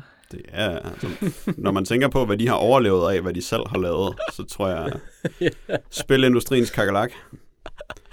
Øhm, nå, det er i hvert fald et spil, som er fra 2011, og det er lavet af øh, Persona-holdet, som har lavet øh, den spin-off af Shin Megami Tensei-serien, som hedder Persona, hvor der er lavet fire spil. Øhm, og det er instrueret af Hashino Katsura, som øh, har instrueret stort set alt, hvad japanske Atlus laver. Øhm, men ellers så holdet det samme som fra Persona-serien, så hvis man kan lide den, så øh, har man garanteret allerede spillet Catherine. Øhm, spillet det handler om en fyr, som hedder Vincent, som er en øh, ikke øh, meget ung mand, men forholdsvis ung mand, øh, og hans kæreste Catherine, som øh, de har haft et forhold i flere år, men Vincent han er sådan lidt, øh, han er sådan lidt en vag mand, der ikke rigtig kan binde sig til noget, og han øh, driver lidt rundt mellem nogle forskellige jobs, og vil ikke rigtig committe sig til noget, men nu begynder øh, svigerfamilien at presse på, så vi starter spillet, da, øh, da han er til middag med sin kæreste, og hun siger, at øh, nu skal de nok snart til at være seriøse med deres forhold. Og så får han lidt et øh, panikanfald over det, og øh, bliver nødt til at tage hen på sit stamværtshus og tale med sine venner om det, hvilket er en vigtig del af spillet, at sidde på stamværtshuset og tale med sine venner om, hvad der foregår. Øhm, og samme nat, der har han et frygteligt mareridt, hvor øh, han er lige ved at, øh, hvor han drømmer, at han skal klatre op af en masse kasser, og ellers så dør han. Og så spiller man et puzzlespil, hvor man skal flytte rundt på nogle kasser for at klatre op af dem som Vincent. Og øh, hvis det lykkes, så vågner man morgenen efter og er stadig i live, men undervejs bliver det antydet af de her får, som der findes i hans drøm, at hvis man dør i drømmen, så dør man også i virkeligheden. Og de her får begynder så at minde mere og mere om folk, som man kender fra sin hverdag, selv folk, man ikke har mødt før. Men det springende punkt er selvfølgelig, at han, mens han sidder på stamværelset og drikker, så møder han en, øh, en meget ung øh, barmfager pige, som, får, som han ender i sengen med. Og det kan han ikke huske noget om, da han vågner dagen efter, fordi han har fortalt med Marit, så han tænker, at han har drukket for meget og har haft en affære med en pige, som viser sig også at hedde Catherine, men med C i stedet for med K. Øh, og så kæmper han virkelig med sig selv, og spillet bliver lidt an på, at Vincent han er nødt til at vælge, om han vil øh, slå sig ned og blive gift med Catherine og øh, have sådan det anstændige liv, eller om han i stedet vil gøre noget uoverlagt og farligt og blive ved med at have et forhold til den anden Catherine, Catherine med C. Så der skal man ligesom tage stilling til, hvordan resten af Vincents liv skal forløbe ved at flytte på kasser i hans drømme og sidde på barn og snakke med sine venner. Det, det er en måde at beskrive spillet på. Der sker godt nok meget i Catherine. Virkelig meget. Um, kan man nøjes med bare at tale om puzzlespillet? Hvis man gjorde det, så ville det vel øh, gøre, gøre spillet til skam, ikke? Det synes jeg bestemt. Fordi der er også mere. Jeg synes, jeg synes der er meget mere. Jeg synes, puzzle-delen var det, jeg mindst kunne lide af det, faktisk. Ja, ja. Så har vi noget at tale om, Dan. Hvad er alt det andet så? Hvad er det? Øhm, Hvad er det? Ja. Jamen altså, det er jo Vincents historie om hans valg i hans nuværende periode af, af livet, som man ligesom skal prøve at hjælpe ham med at lave. Og han er jo en, øhm, ja, jeg synes, han var en, sådan en elskelig, lidt taberaktiv fyr, som jeg gerne ville prøve at hjælpe forbi hans, hans problemer, hvad end de måtte være. Og jeg synes, jeg, det var interessant at, at, at prøve at få ham på, hvad kan man sige, på ret kurs på den ene eller anden måde ved at tale med hans venner om deres oplevelser og med andre af de her øhm, gæster på, øh, på baren. Øhm, eller, øhm, ja, eller i, i at vælge der også i, i nogle af de her drømmescener, hvor man vælger nogle ting og kan tale med nogle af de andre for. Og det, det, var, øhm, det var fedt, og man har jo også en, et valg i sin, øhm, i sin øh, kommunikation med, med begge Catherines, fordi man kan sende sms'er til dem, hvilket jeg var overrasket over. Jeg synes, det var vildt sjovt, fordi det lyder bare som det kedeligste i verden at skulle sende sms'er med i et spil. Men øh, det kunne jeg meget bedre lide, end at gøre det i virkeligheden. Sådan rigtig dagen derpå, jeg, jeg har været utro sms-drama. ja. Det er, det er fedt, når det er et spil. Det er sikkert ikke så fedt i virkeligheden. hvad, var, hvad var fedt ved det, Dan? Øhm, jeg tror noget af det fede, det er jo, at man jo ikke helt ved, hvad det er, der, øhm, der har indflydelse på, øhm, eller ikke altid ved, hvad der har indflydelse på Vincent og, og natten efter, og hvad han, hvad han frygter og sådan noget. Og øh, en gang imellem, så har man, foretager man en valg, eller siger noget, hvor der så dukker sådan en lille tæller op, der er fra, øh, ja, fra blå til rød, fra en engel til, jeg tror den anden er en djævel, øh, sådan en lille, øh, lille måler, og så kan man så se, at alt efter hvad man vælger, så går det så mere eller, den anden, mere, eller mere til den ene side eller til den anden side, og så, øhm, så kan man ligesom have en fornemmelse af, hvor man, hvor man styrer Vincent henad. Øh, og det var bare sådan fedt at se, øh, at se det ske, øh, og tænke på, hvad det kunne, hvilken indflydelse det kunne have på historien, og så se, hvad historien videre bragte, fordi man ved jo ikke rigtig, hvad der sker fra, fra aften til aften. Man ved bare, om natten så er man mareridt, og så skal man, øh, så skal man øh, besejre nogle kasser for, for at få lov til at overleve en nat mere. Ja. Jamen altså, jeg, øh, jeg synes, at, at puzzle-delen var sjov, og jeg kunne godt lide at spille øh, puzzlespillet, hvor jeg skulle flytte kasserne, men jeg, jeg vidste slet ikke, hvad jeg skulle gøre med alt andet. Um, og jeg synes, at det bare var lidt kedeligt. Så når jeg sad på baren, Øh, der går der er tit, øh, efter man vågner op om morgenen og finder ud af, at man har lavet et eller andet, man ikke skulle have gjort, og man har det dårligt, og der foregår lidt cutscenes, så man ser nogle, der er en kombination af animerede øh, tegnefilmsekvenser og så øh, in-game øh, 3D-modelsekvenser, øh, er selvfølgelig en lavere, en lavere opløsning, øh, som de så, de to øh, tricks bruger de til at fortælle historier med. Øh, og så, øh, så finder, befinder man sig så på sin stamplads på sit værtshus, så plejer jeg sådan set bare at rejse mig op, og så lige øh, dreje, dreje venstre om, og så gå ud af døren, og så gå hjem og sove, og så spille den næste bane. Fordi at, øh, at så skulle jeg ikke bruge helt vildt meget tid på at tale med folk. så det var sådan, jeg, ja. jeg spillede spillet. Det er sjovt. Det er, det er virkelig sjovt. Altså, jeg synes, det, det var sjovt at tale med de andre folk, fordi at nogle af dem genkender man jo fra, fra drømmen, fra at er de andre får, man ligesom øh, er i samme bås som.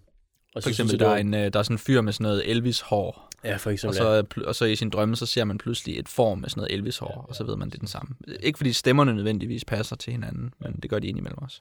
Ja, øh, og så husker så Vincent, han husker jo så ikke præcis sammenhæng for hans drømme til, til den virkelige verden.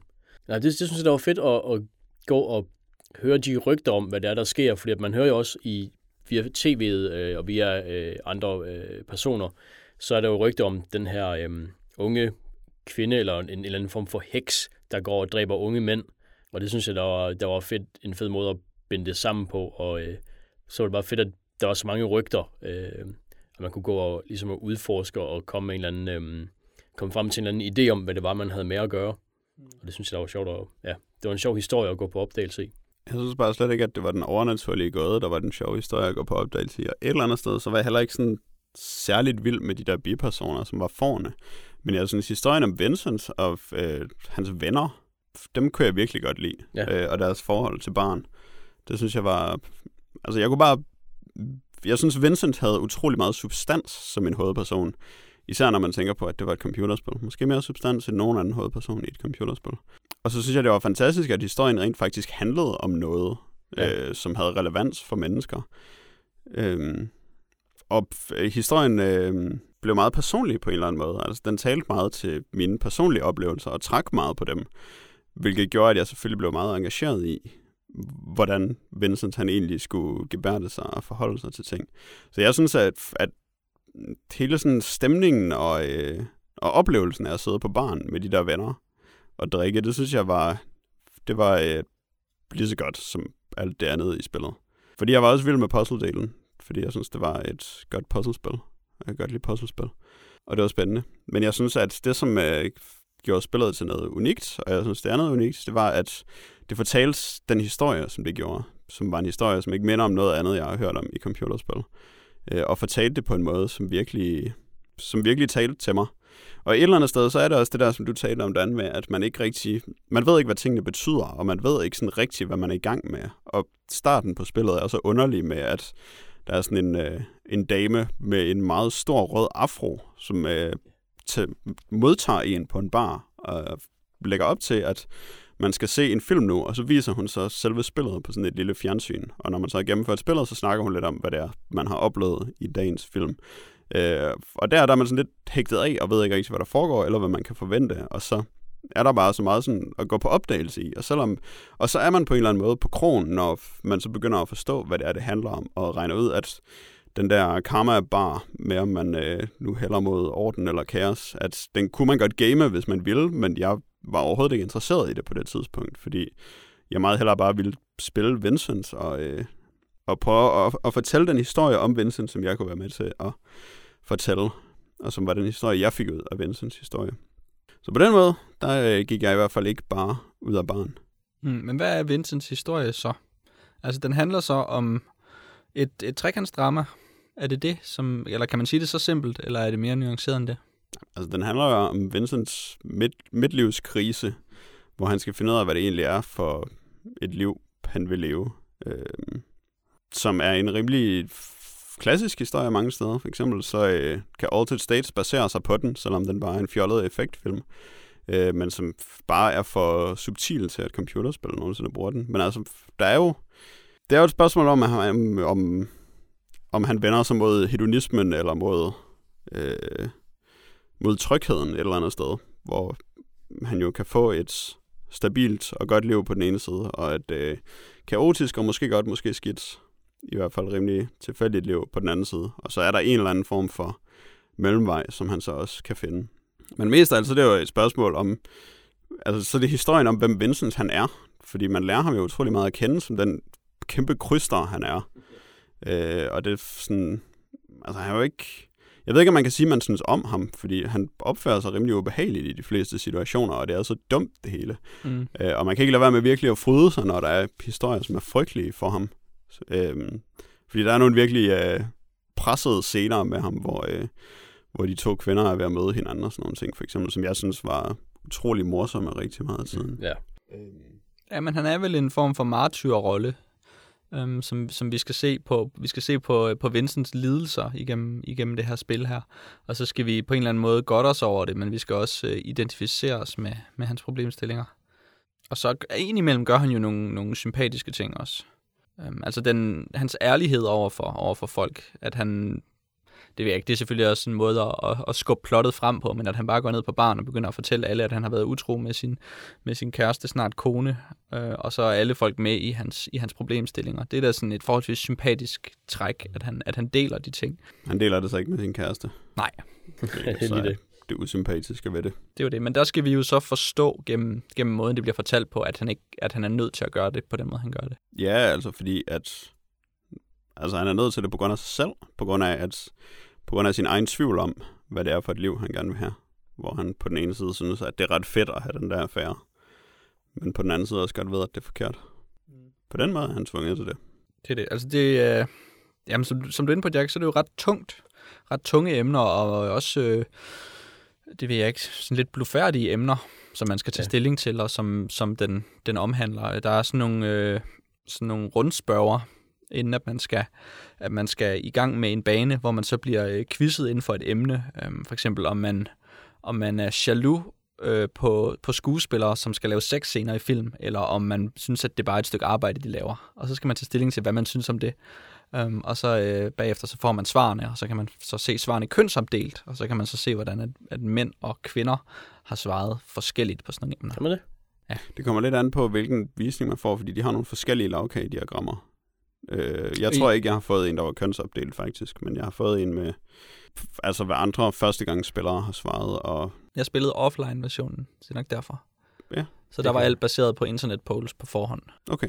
Jeg fik i hvert fald ikke ved at vide, hvad kvinder, sådan som nogen af dem faktisk. Ah, Okay, og så kan man se, at kvinder de var en, øh, en fjerdedel mindre tilbøjelige til at, øh, at være jaloux på skuespillere, der skulle lave sex scener i film. Det må jeg nok sige. Så sådan nogle, sådan nogle emner øh, er der jo, kaster den jo i, i grams, eller hvad man kan sige, er der jo overflod af. Da man bliver hele tiden udfordret, hvis man er blufærdig i hvert fald. Ja, det gør jeg i hvert fald. Næsten til sådan et punkt, hvor jeg ikke havde, hvor sådan nogle gange, når der var de der spørgsmål, når man skulle skrive sms'er og sådan noget, så havde jeg ikke lyst til at gøre det, hvis der var andre, der så det, mens jeg spillede. Mm. Fordi det blev så personligt for mig. Jamen det kan jeg godt, øh, det kan jeg godt ikke genkende til. At, øh, at det prøver at gå tæt på. Med, ja, undskyld, Jack, var det med sms'erne, eller var det også med de der afstemninger? Begge dele. Okay, set. ja. Jeg synes, jeg havde den, de afstemninger, der er i, i drømmene, dem synes jeg, der, jeg ved ikke, måske startede jeg bare med at få en del spørgsmål i træk, der var alle sammen forekommer lidt fjollet, og så Mm. var jeg ikke sådan så, så følte jeg ikke så stærkt for de afstemninger. Så synes jeg bare, de sådan, så var det, så var det lidt fjollet for mig. Ja, der var nogle af dem, der var fjollet. Ja. Men der var også nogle af dem, som var mindre fjollet. Det, det er nok rigtigt. Øh, men øh, det kan være, at hvis jeg havde fået et, et mere alvorligt spørgsmål til at starte med, så havde jeg anskuet den del på en anden måde, men nu var det bare fjollet et stykke tid øh, for mig, og så tænkte jeg, nå, det er lidt fjollet. Det lyder fjollet. Rimelig fjollet. Ja, men jeg synes også, det var fjollet. altså det er derfor, at jeg ikke, at jeg ikke rigtig kastede, at jeg ikke kunne kaste mig ud ind i det her spil, og at jeg ikke kunne investere tiden i at gå rundt og tale med folk på baren og sætte mig ind i Vincents karakter, fordi jeg synes, at der var, jeg synes, det var noget, det var lidt noget sludder for meget af det. Jeg synes, der var rigtig meget gentagelse og ynk i det. Og det synes jeg var tungt og lidt for, lidt for simpelt, synes jeg. Lidt for kedeligt. Så jeg synes simpelthen, det fejlede lidt på, på, på kvalitet, det her spil. Øhm, det stiller krav, jeg tror, det stiller virkelig krav til, at man skal ville det. Og så kommer man måske ind i det, og så kan man få et payoff af det. Men, men jeg havde virkelig svært ved at engagere mig i det. Og så jeg sad bare og tænkte, åh, jeg vil bare gerne skubbe nogle kasser lige nu, i stedet for at gå rundt og tale med alle i baren. Så jeg går hjem og sover, og så skubber jeg nogle kasser. Ja, det er virkelig sjovt, er det fordi at jeg havde virkelig sådan, når jeg skulle til at skubbe kasser, så tænkte jeg bare, åh, bare jeg skulle tale med folk på baren i stedet for. fordi jeg gad bare ikke skubbe de kasser. Ej, jeg glæder mig også virkelig til at komme tilbage til barn. Selvom jeg havde det sjovt med at skubbe kasser. Men jeg gør det lidt genkendte måske med de der bipersoner, som man taler med i barn. Men jeg synes, at historien om Vincent var virkelig velfortalt. Og så synes jeg bare, at, det, at oplevelsen var så anderledes. Det var jeg bare udelt begejstret over. At det bare sådan, var helt anderledes, end computerspil plejer at være. Så jeg kunne slet ikke lade være med at, at kaste mig grådigt over alle dele af spillet. Og blive ekstremt begejstret af det. Jamen, det er virkelig specielt. Det er det, og det spiller på alle tangenter, ikke? Alt, hvad det kan få fat i. Itemshoppen var jeg ikke så imponeret over. Åh ja, ja, den brugte jeg heller ikke rigtigt. Det Det ved jeg ikke. Jack, du har spillet det rimelig meget, har du ikke? Jo, jeg Jo, du har gennemført det. Så så meget har jeg da i hvert fald spillet det. Ja, og det er noget med, at der er en del forskellige slutninger, kan det ikke passe? Ni forskellige. Ni forskellige, ja. Den 9. kan man kun få, når man har gennemført de otte første, tror jeg nok. Åh, oh. Så det er sådan rimelig hårdt arbejde. ja, det lyder hårdt. Øhm, men ja, der er ni forskellige slutninger baseret på, øh, hvordan ens karma-bar den ender med at være indstillet, og så nogle sidste spørgsmål, som man får lige inden slutningen, som er vigtigere end alle andre spørgsmål, Ja. som afgør, hvem af de to, man finder sammen med igen, eller om han beslutter sig for ikke at finde sammen med nogen af dem. Sejt nok. Og den ene af slutningerne er rimelig syret, og den anden er rimelig jordnær. Og så er der en der er midt imellem. Nice. Øhm, tiden den er begyndt at kræve, at vi skal, vi skal kigge mod fremtiden, faktisk. Åh, oh. Øhm, men da lige for at sige et par afsluttende ord om Catherine. Altså, så er det jo et, et, et virkelig specielt og et spændende spil. Ja. Øhm, og der er, der er ikke rigtig nogen grund til ikke at spille det. Men det er ikke sikkert, at man vil synes om det. Og Ja. man skal måske spille det alene. Det skal man i hvert fald, hvis man er blevet færdig, tænker jeg. Og jeg, altså, det, det er jo ligesom, når man ser gode film, så er man også nødt til at se dem alene. Så der ikke er alle mulige idioter, der ødelægger dem for en. Ja. Jeg tror også, det er lidt lettere at komme ind i spillet, hvis man starter med at spille det alene i hvert fald. Øhm, så er der ikke nogen, der er nogen idioter. Få en til at hallucinere. Godt. Men den der t-shirt, som Vincent tager på hele tiden, hvor der står RA, og så er der sådan et hjerte med en pil igennem, og et E, det kan jeg ikke lade være med at læse som rape hver gang. Hvad læste det som? Og... Endnu et sted, man bliver udfordret. Ja. det må man bestemt sige. Jamen, det er nemlig, Ja. fordi der er sådan en uh, deluxe-udgave af spillet, man kan købe, hvor man får det i den der pizzabakke fra barn. Uh, og så får man også en t-shirt, men så er det den, som Catherine har på en morgen, som hun har lånt af Vincent, som bare har sådan nogle Zelda-hjerter, som er rimelig kedelige. Hvis man kan få den der rape t-shirt, så vil jeg købe deluxe-boksen. Ah, ja, fedt. Øhm, ja. Ja. Duly noted, Jack. Men øhm, ja, man skal, man skal lige prøve at spille det, hvis man har en Playstation 3. Jeg ved ikke, om det er kommet til noget andet. Øh, jo, det er også kommet til Xbox 360. Ja, så kan man lige prøve at spille det, og så kan man se, om det er godt eller ej. For en. Men det er i hvert fald en oplevelse. På den ene eller den anden måde. Hvis man har en Playstation, må man godt låne det af mig, fordi jeg synes virkelig, at folk skal spille det. Fordi det er så... Uh, det er så specielt. Og så er det selvfølgelig aktuelt i forhold til hallucinationer, fordi at drømmene er meget livlige. Og Totalt fordi der måske er nogle af personerne i spillet, som er hallucinationer, Uha. selv når man ikke sover. Så temaet er der stadig, og nu kommer det. Nu bliver det selvfølgelig banket fast, som nævnt, med en, en novelle, der hedder Hallucination. ja. Um, den er skrevet af Isaac Asimov, øhm, som hedder noget mere, og man kan også stave det forskelligt. Øhm, af russisk afstamning, men øh, opvokset i USA, så en amerikansk forfatter, øhm, der var professor i øh, biokemi ved Boston Universitet. Øhm, han døde i 92, så vidt jeg lige kan se her. Øhm, han er en forfatter, der har skrevet virkelig, virkelig meget, og jeg tror, at vi tilsammen har læst utrolig, utrolig let. Ja, jeg har læst en novelle. Den hedder Hallucination. Så, så til alle dem, som, som ved en masse om Asimov, øh, I skal endelig bare øh, skrive ind og fortælle os, øh, hvad, hvad, hvad vi tager fejl, når vi opremser hans værker, og når vi begynder at omtale hans litteratur. Fordi der er selvfølgelig øh, omkring 500 bøger, han har skrevet, som nogen kan have læst, øhm, og 90.000 breve og postkort. Øhm, og øh, han er mest kendt for Foundation-serien.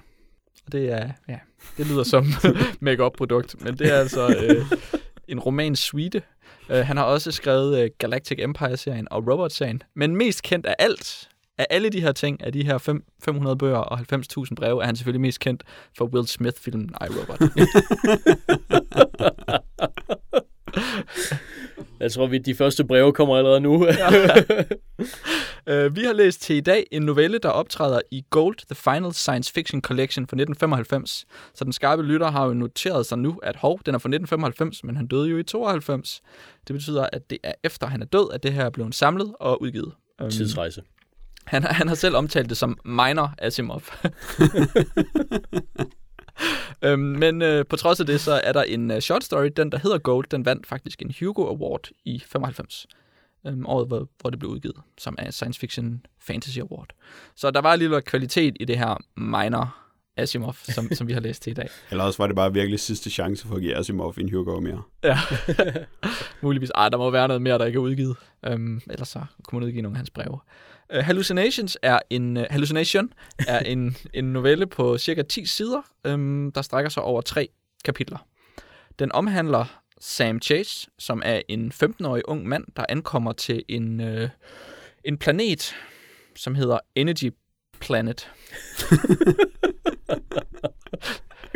øhm, og der er en, øh, en stor kuppel, hvor han så er blevet øh, ansat. Det er en del af hans uddannelse at komme til den her kuppel her, fordi at han, bliver, han er blevet øh, tildelt chancen af sådan en, øh, en over, en supercomputer, som de kalder for Central Computer. Central Computer.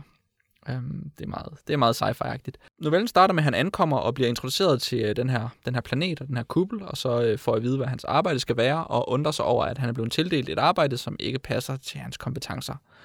Um, han finder ud af, at, uh, at den her planet, den er rimelig kedelig på sådan en, en lidt uhyggelig måde, fordi at den, uh, der er ikke rigtig nogen dyr på nær lidt insekter, og så er der sådan nogle bær, der er gule, men de smager dårligt.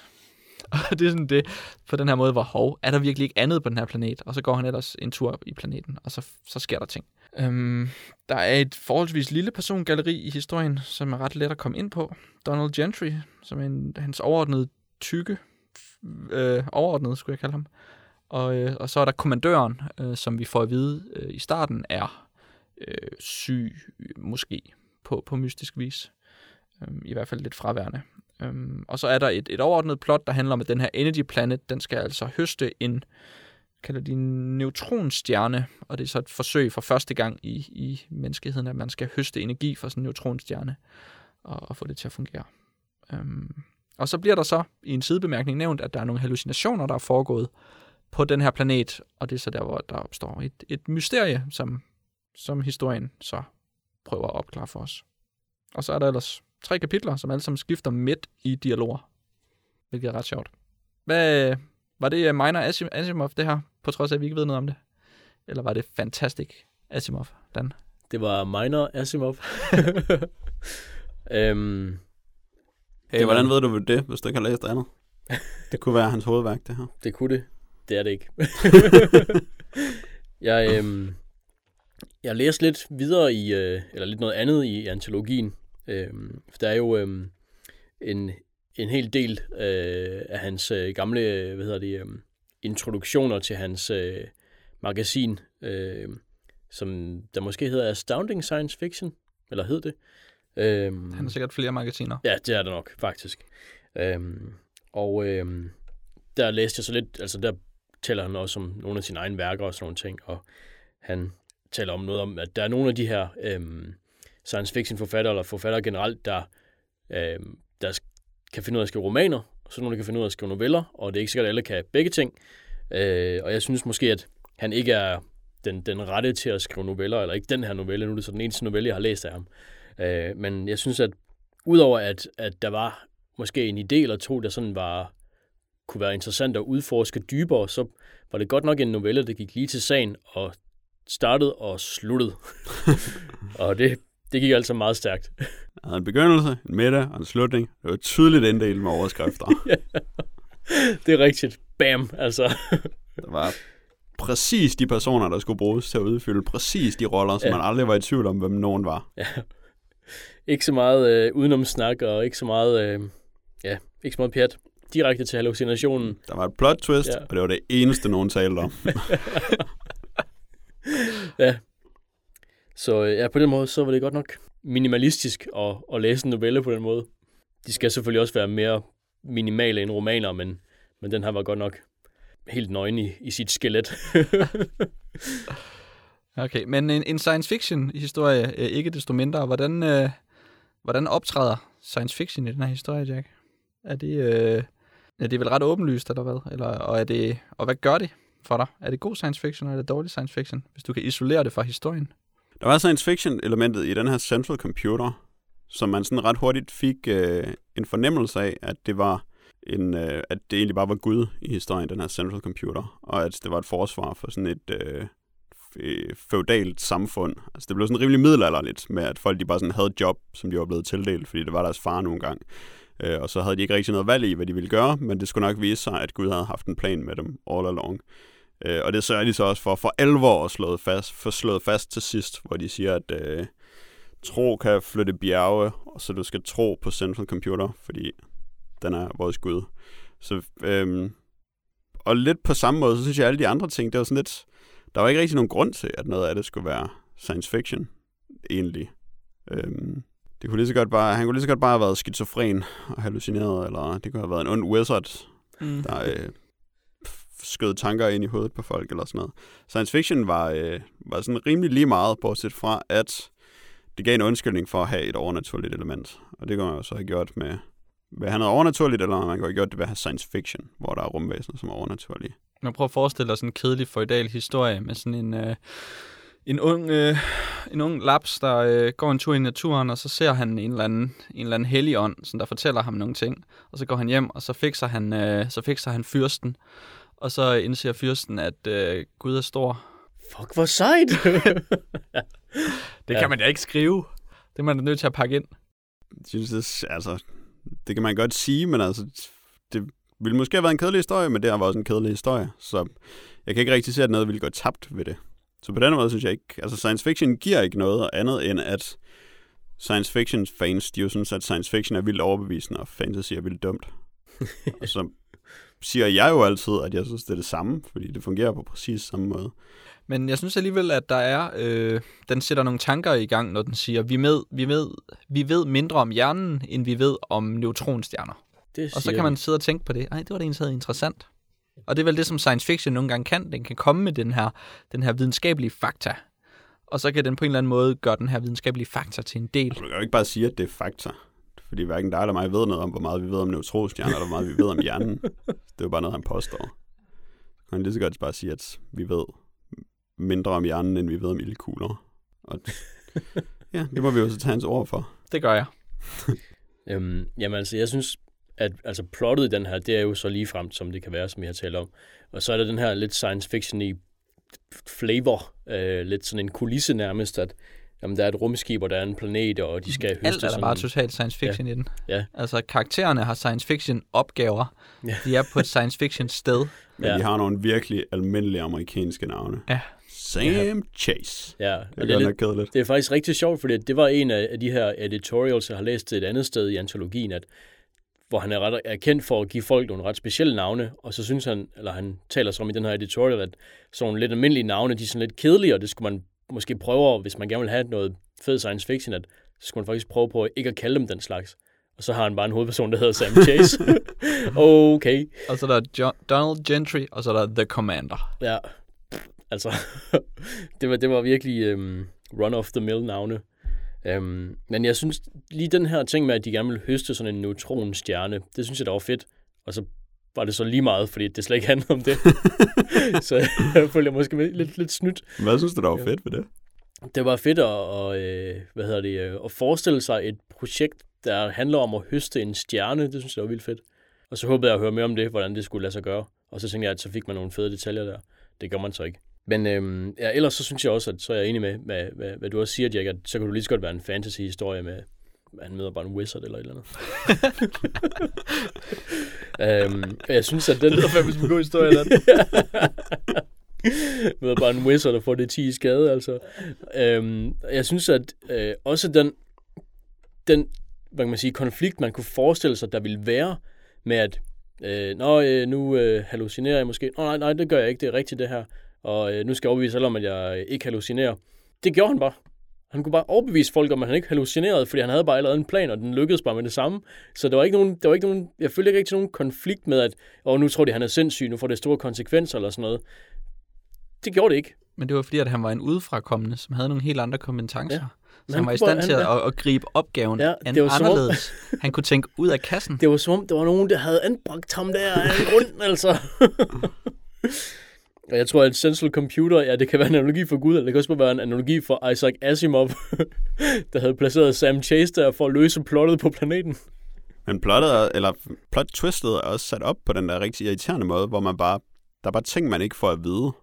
Og så er det det, der sådan ligesom er twistet. Fordi man ved jo godt, at det er kommandøren, der er blevet hjerneskadet. Øhm, og så er der sådan, der i slutningen af del 2, så kan man måske lige sådan overveje, hmm, kan vide, om det egentlig bare er Sam Chase, der hallucinerer. Og så starter den næste historie bare med, at han har den perfekte plan, som ordner alle problemerne. Og så var plot twist var præcis, hvad man havde. Jamen, vi når da alligevel at blive bekymret for ham, fordi at han øh, insisterer på, øh, på en, øh, en høring, hvor et, øh, kommandøren skal være til stede, og så bliver det jo en officiel høring, som der kommer på hans papirer, og så får han jo ikke en god uddannelse. Ulens! Så det var da lidt spændende. Ja, om nej, han, jeg- klarer jeg- han den nu? Ja, nej, jeg, jeg synes øh, slet ikke, at man, at man er i tvivl om, at han klarer den overhovedet. Altså, så er der de der, øhm, øhm, ja, de der øh, skampletter, han kan få på, på journalen, som ham der Gentry, han taler om. Men, men det synes jeg ikke, man overhovedet er bange for, at Sam Chase han klarer. Altså, hør hans navn, mand. Sam Chase. Hvis han ikke redder dagen, hvem kan så? Altså, Det er næsten som om Asimov selv påtaler det der med, at der kun er præcis det allermest nødvendige, Ja. ved at Sam rent faktisk forklarer, at jamen, der var jo ikke andet end de her insekter, så det måtte jo være dem, der var rumvæsenerne, der telepatiserede Ja. med mig. Og ja, det var det jo så. Det kunne have Det været det. Det kunne Det kunne have været bærende. Det var det dårligt, ikke. Det er men de er ikke giftige. Ja. Ja. Øh, Ej, jeg synes faktisk, at det var, det ved jeg ikke. Jeg synes, det er spændende, øh, måden den der planet er sat op på, med at han går ud i den, og man ved ikke noget om den. Og den er, den er bare præsenteret så død kedeligt. Det synes Ja. jeg var fedt. øhm, Der er nogle åer, der er lidt bakterier, så er der nogle buske, og så er der nogle insekter. Og der er ikke farligt.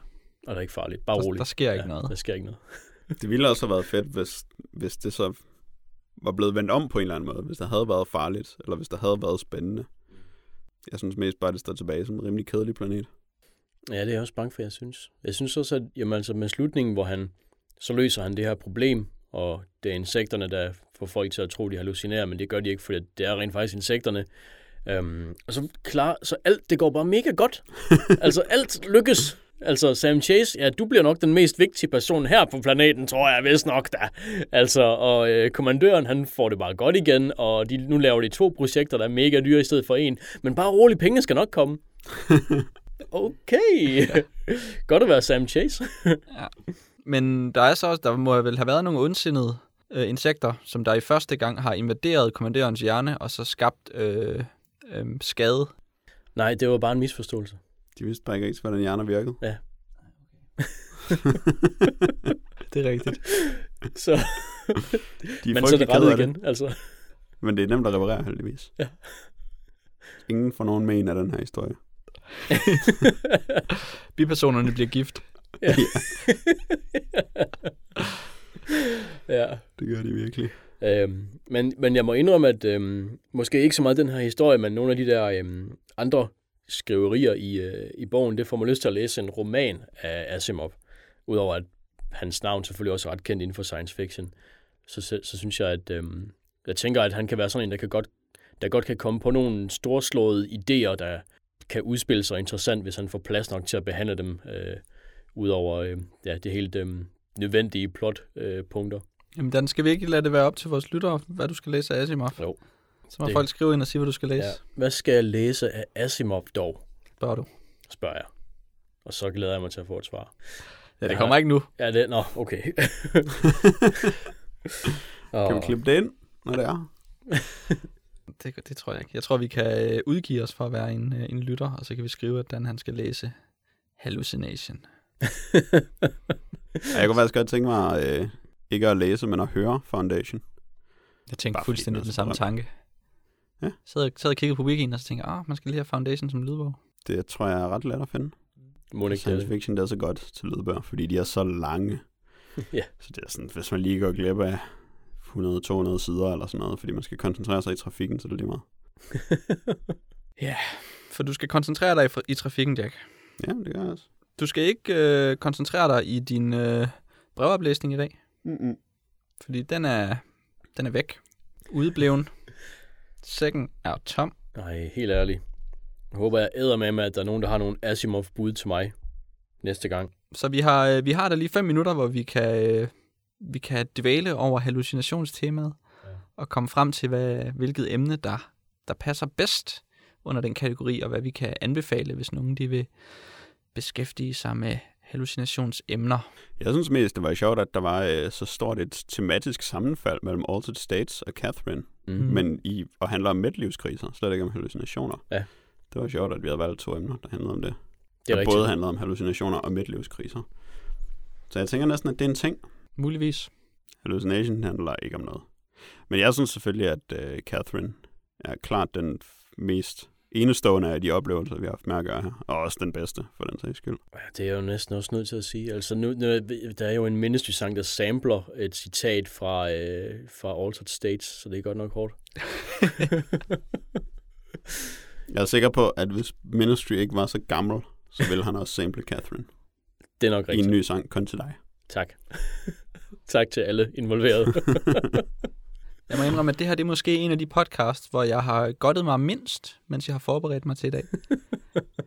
Når vi ser på den, den sådan svingende kvalitet, og der, der er jo der er jo interessante elementer i, i det hele for mig. Altså, jeg, synes, jeg tror, jeg synes, at novellen er noget bedre, end, end I gør. Um, men den er selvfølgelig tydeligvis minor Asimov. um, og jeg, er ikke, jeg er var ikke den eneste, der tænker mindre over i. Nej. Nej, godt. Hvor sådan, var sådan, infantil Asimov. sådan en lille bitte dreng med kæmpe briller. Han har skrevet øh, litteratur inden for 9 ud af de 10 øh, Dewey-kategorier. Åh, oh, Hvad er en. Dewey-kategori? altså Dewey-decimalsystemet inden for øh, biblioteker, inden for kategorisering af litteratur. Så, så vidt omfavnende er hans... Hvorfor, hvorfor er der kun 10 af dem? Der er en, han ikke har. Nå, men altså, hvorfor er der kun 10 slags bøger? men han er død nu, Jack. Hvad er det for nogle kategorier? Al- Altså det er... Så, så opdeler man... For eksempel så kan der være en, der hedder... Nu kan jeg jo ikke huske, hvad de hedder. Har du ikke spillet Monkey Island, Jack? Hvilken en af decimalerne er Monkey Island? Sådan fungerer det ikke. Det, det er, du går ned på et bibliotek, og så er der kategorier inden for din, din, din... Så er der litteratur, og så er der kategorier inden for faglitteratur. Og det kan man dele op i 10 forskellige typer. 79, 49, der står rollespil og spillebøger. Åh, oh, Øh, ja, men altså, det, men 79, 49, der er jo tydeligvis mere end 10 forskellige slags. Men det er fordi, det er et udvidet system. Det er ikke Dewey's decimalsystem. Dewey's decimalsystem har kun 10. Hvad er det for 10? Det ved jeg ikke, Jack. Det bliver dårligt forberedt, synes jeg. altså mindst en af os hallucinerer lige nu. Ja, det er min midtlivskrise. ja. Ja. Så bliver jeg totalt på tværs, når jeg skal diskutere biblioteker. Jamen, kan jeg vide, om der er flere hallucinationsværker, der egentlig handler om midtlivskriser? Mm. Det gad jeg egentlig godt finde ud af. Det er en ting fra nu af. Ja. Jeg, kunne- jeg kunne se, at... Øhm, hvad hedder den? Altered Stage, det var sådan en bølge af hulemandsfilm fra starten af 80'erne. og jeg får da sådan lidt blod på tanden med resten af de der hulemandsfilm for at se, Mm, hvad der er med dem. de er rigtig dårlige. Virkelig dårligt. Har du set dem alle sammen? Hvad- Der er den der øh, manden fra jordens indre, eller sådan noget, Ja, noget af den stil. som er rigtig dårlig. Hulebjørnens klan. Ja. Jeg kan huske, huske det der. Når de gør det med hænderne, det kan man ikke se. Ja. Det der kunne man heller ikke se. Nej, men det, det kan man høre. Det er Hulebjørnens klan. Alt, alt, det hele er selvfølgelig inspireret af rumrejse. Det kan jeg jo se. Specielt øh, startscenen med i tanken, det er også fedt. og så øh, aberne. Vent, hvad snakker vi om nu? Altered States, Nå, ja, inspireret af rumrejse. nu er jeg med. Men øh, ja, det var, øh, det var alt, hvad vi havde at bringe for i dag, hvad øh, hallucinationer angår. Der kommer ikke flere hallucinationer. Haha. Øhm, hvis man vil skrive ind til vores podcast og sige, hvilken Asimov-roman suite Dan skal læse fra ende til anden, Nå, det synes jeg, det voksede lidt nu. så, øh, eller hvis man vil, øh, vil kommentere vores øh, tese omkring hallucinationer og midtlivskriser som en øh, fælles fænomen, så, øh, så skal man skrive ind til postsnabelag.ddkkpodcast.dk. Det er i dag onsdag den 23. oktober, og det betyder, at vi er tilbage igen om 14 dage. Jeg ved ikke, hvornår det er. Farvel og tak.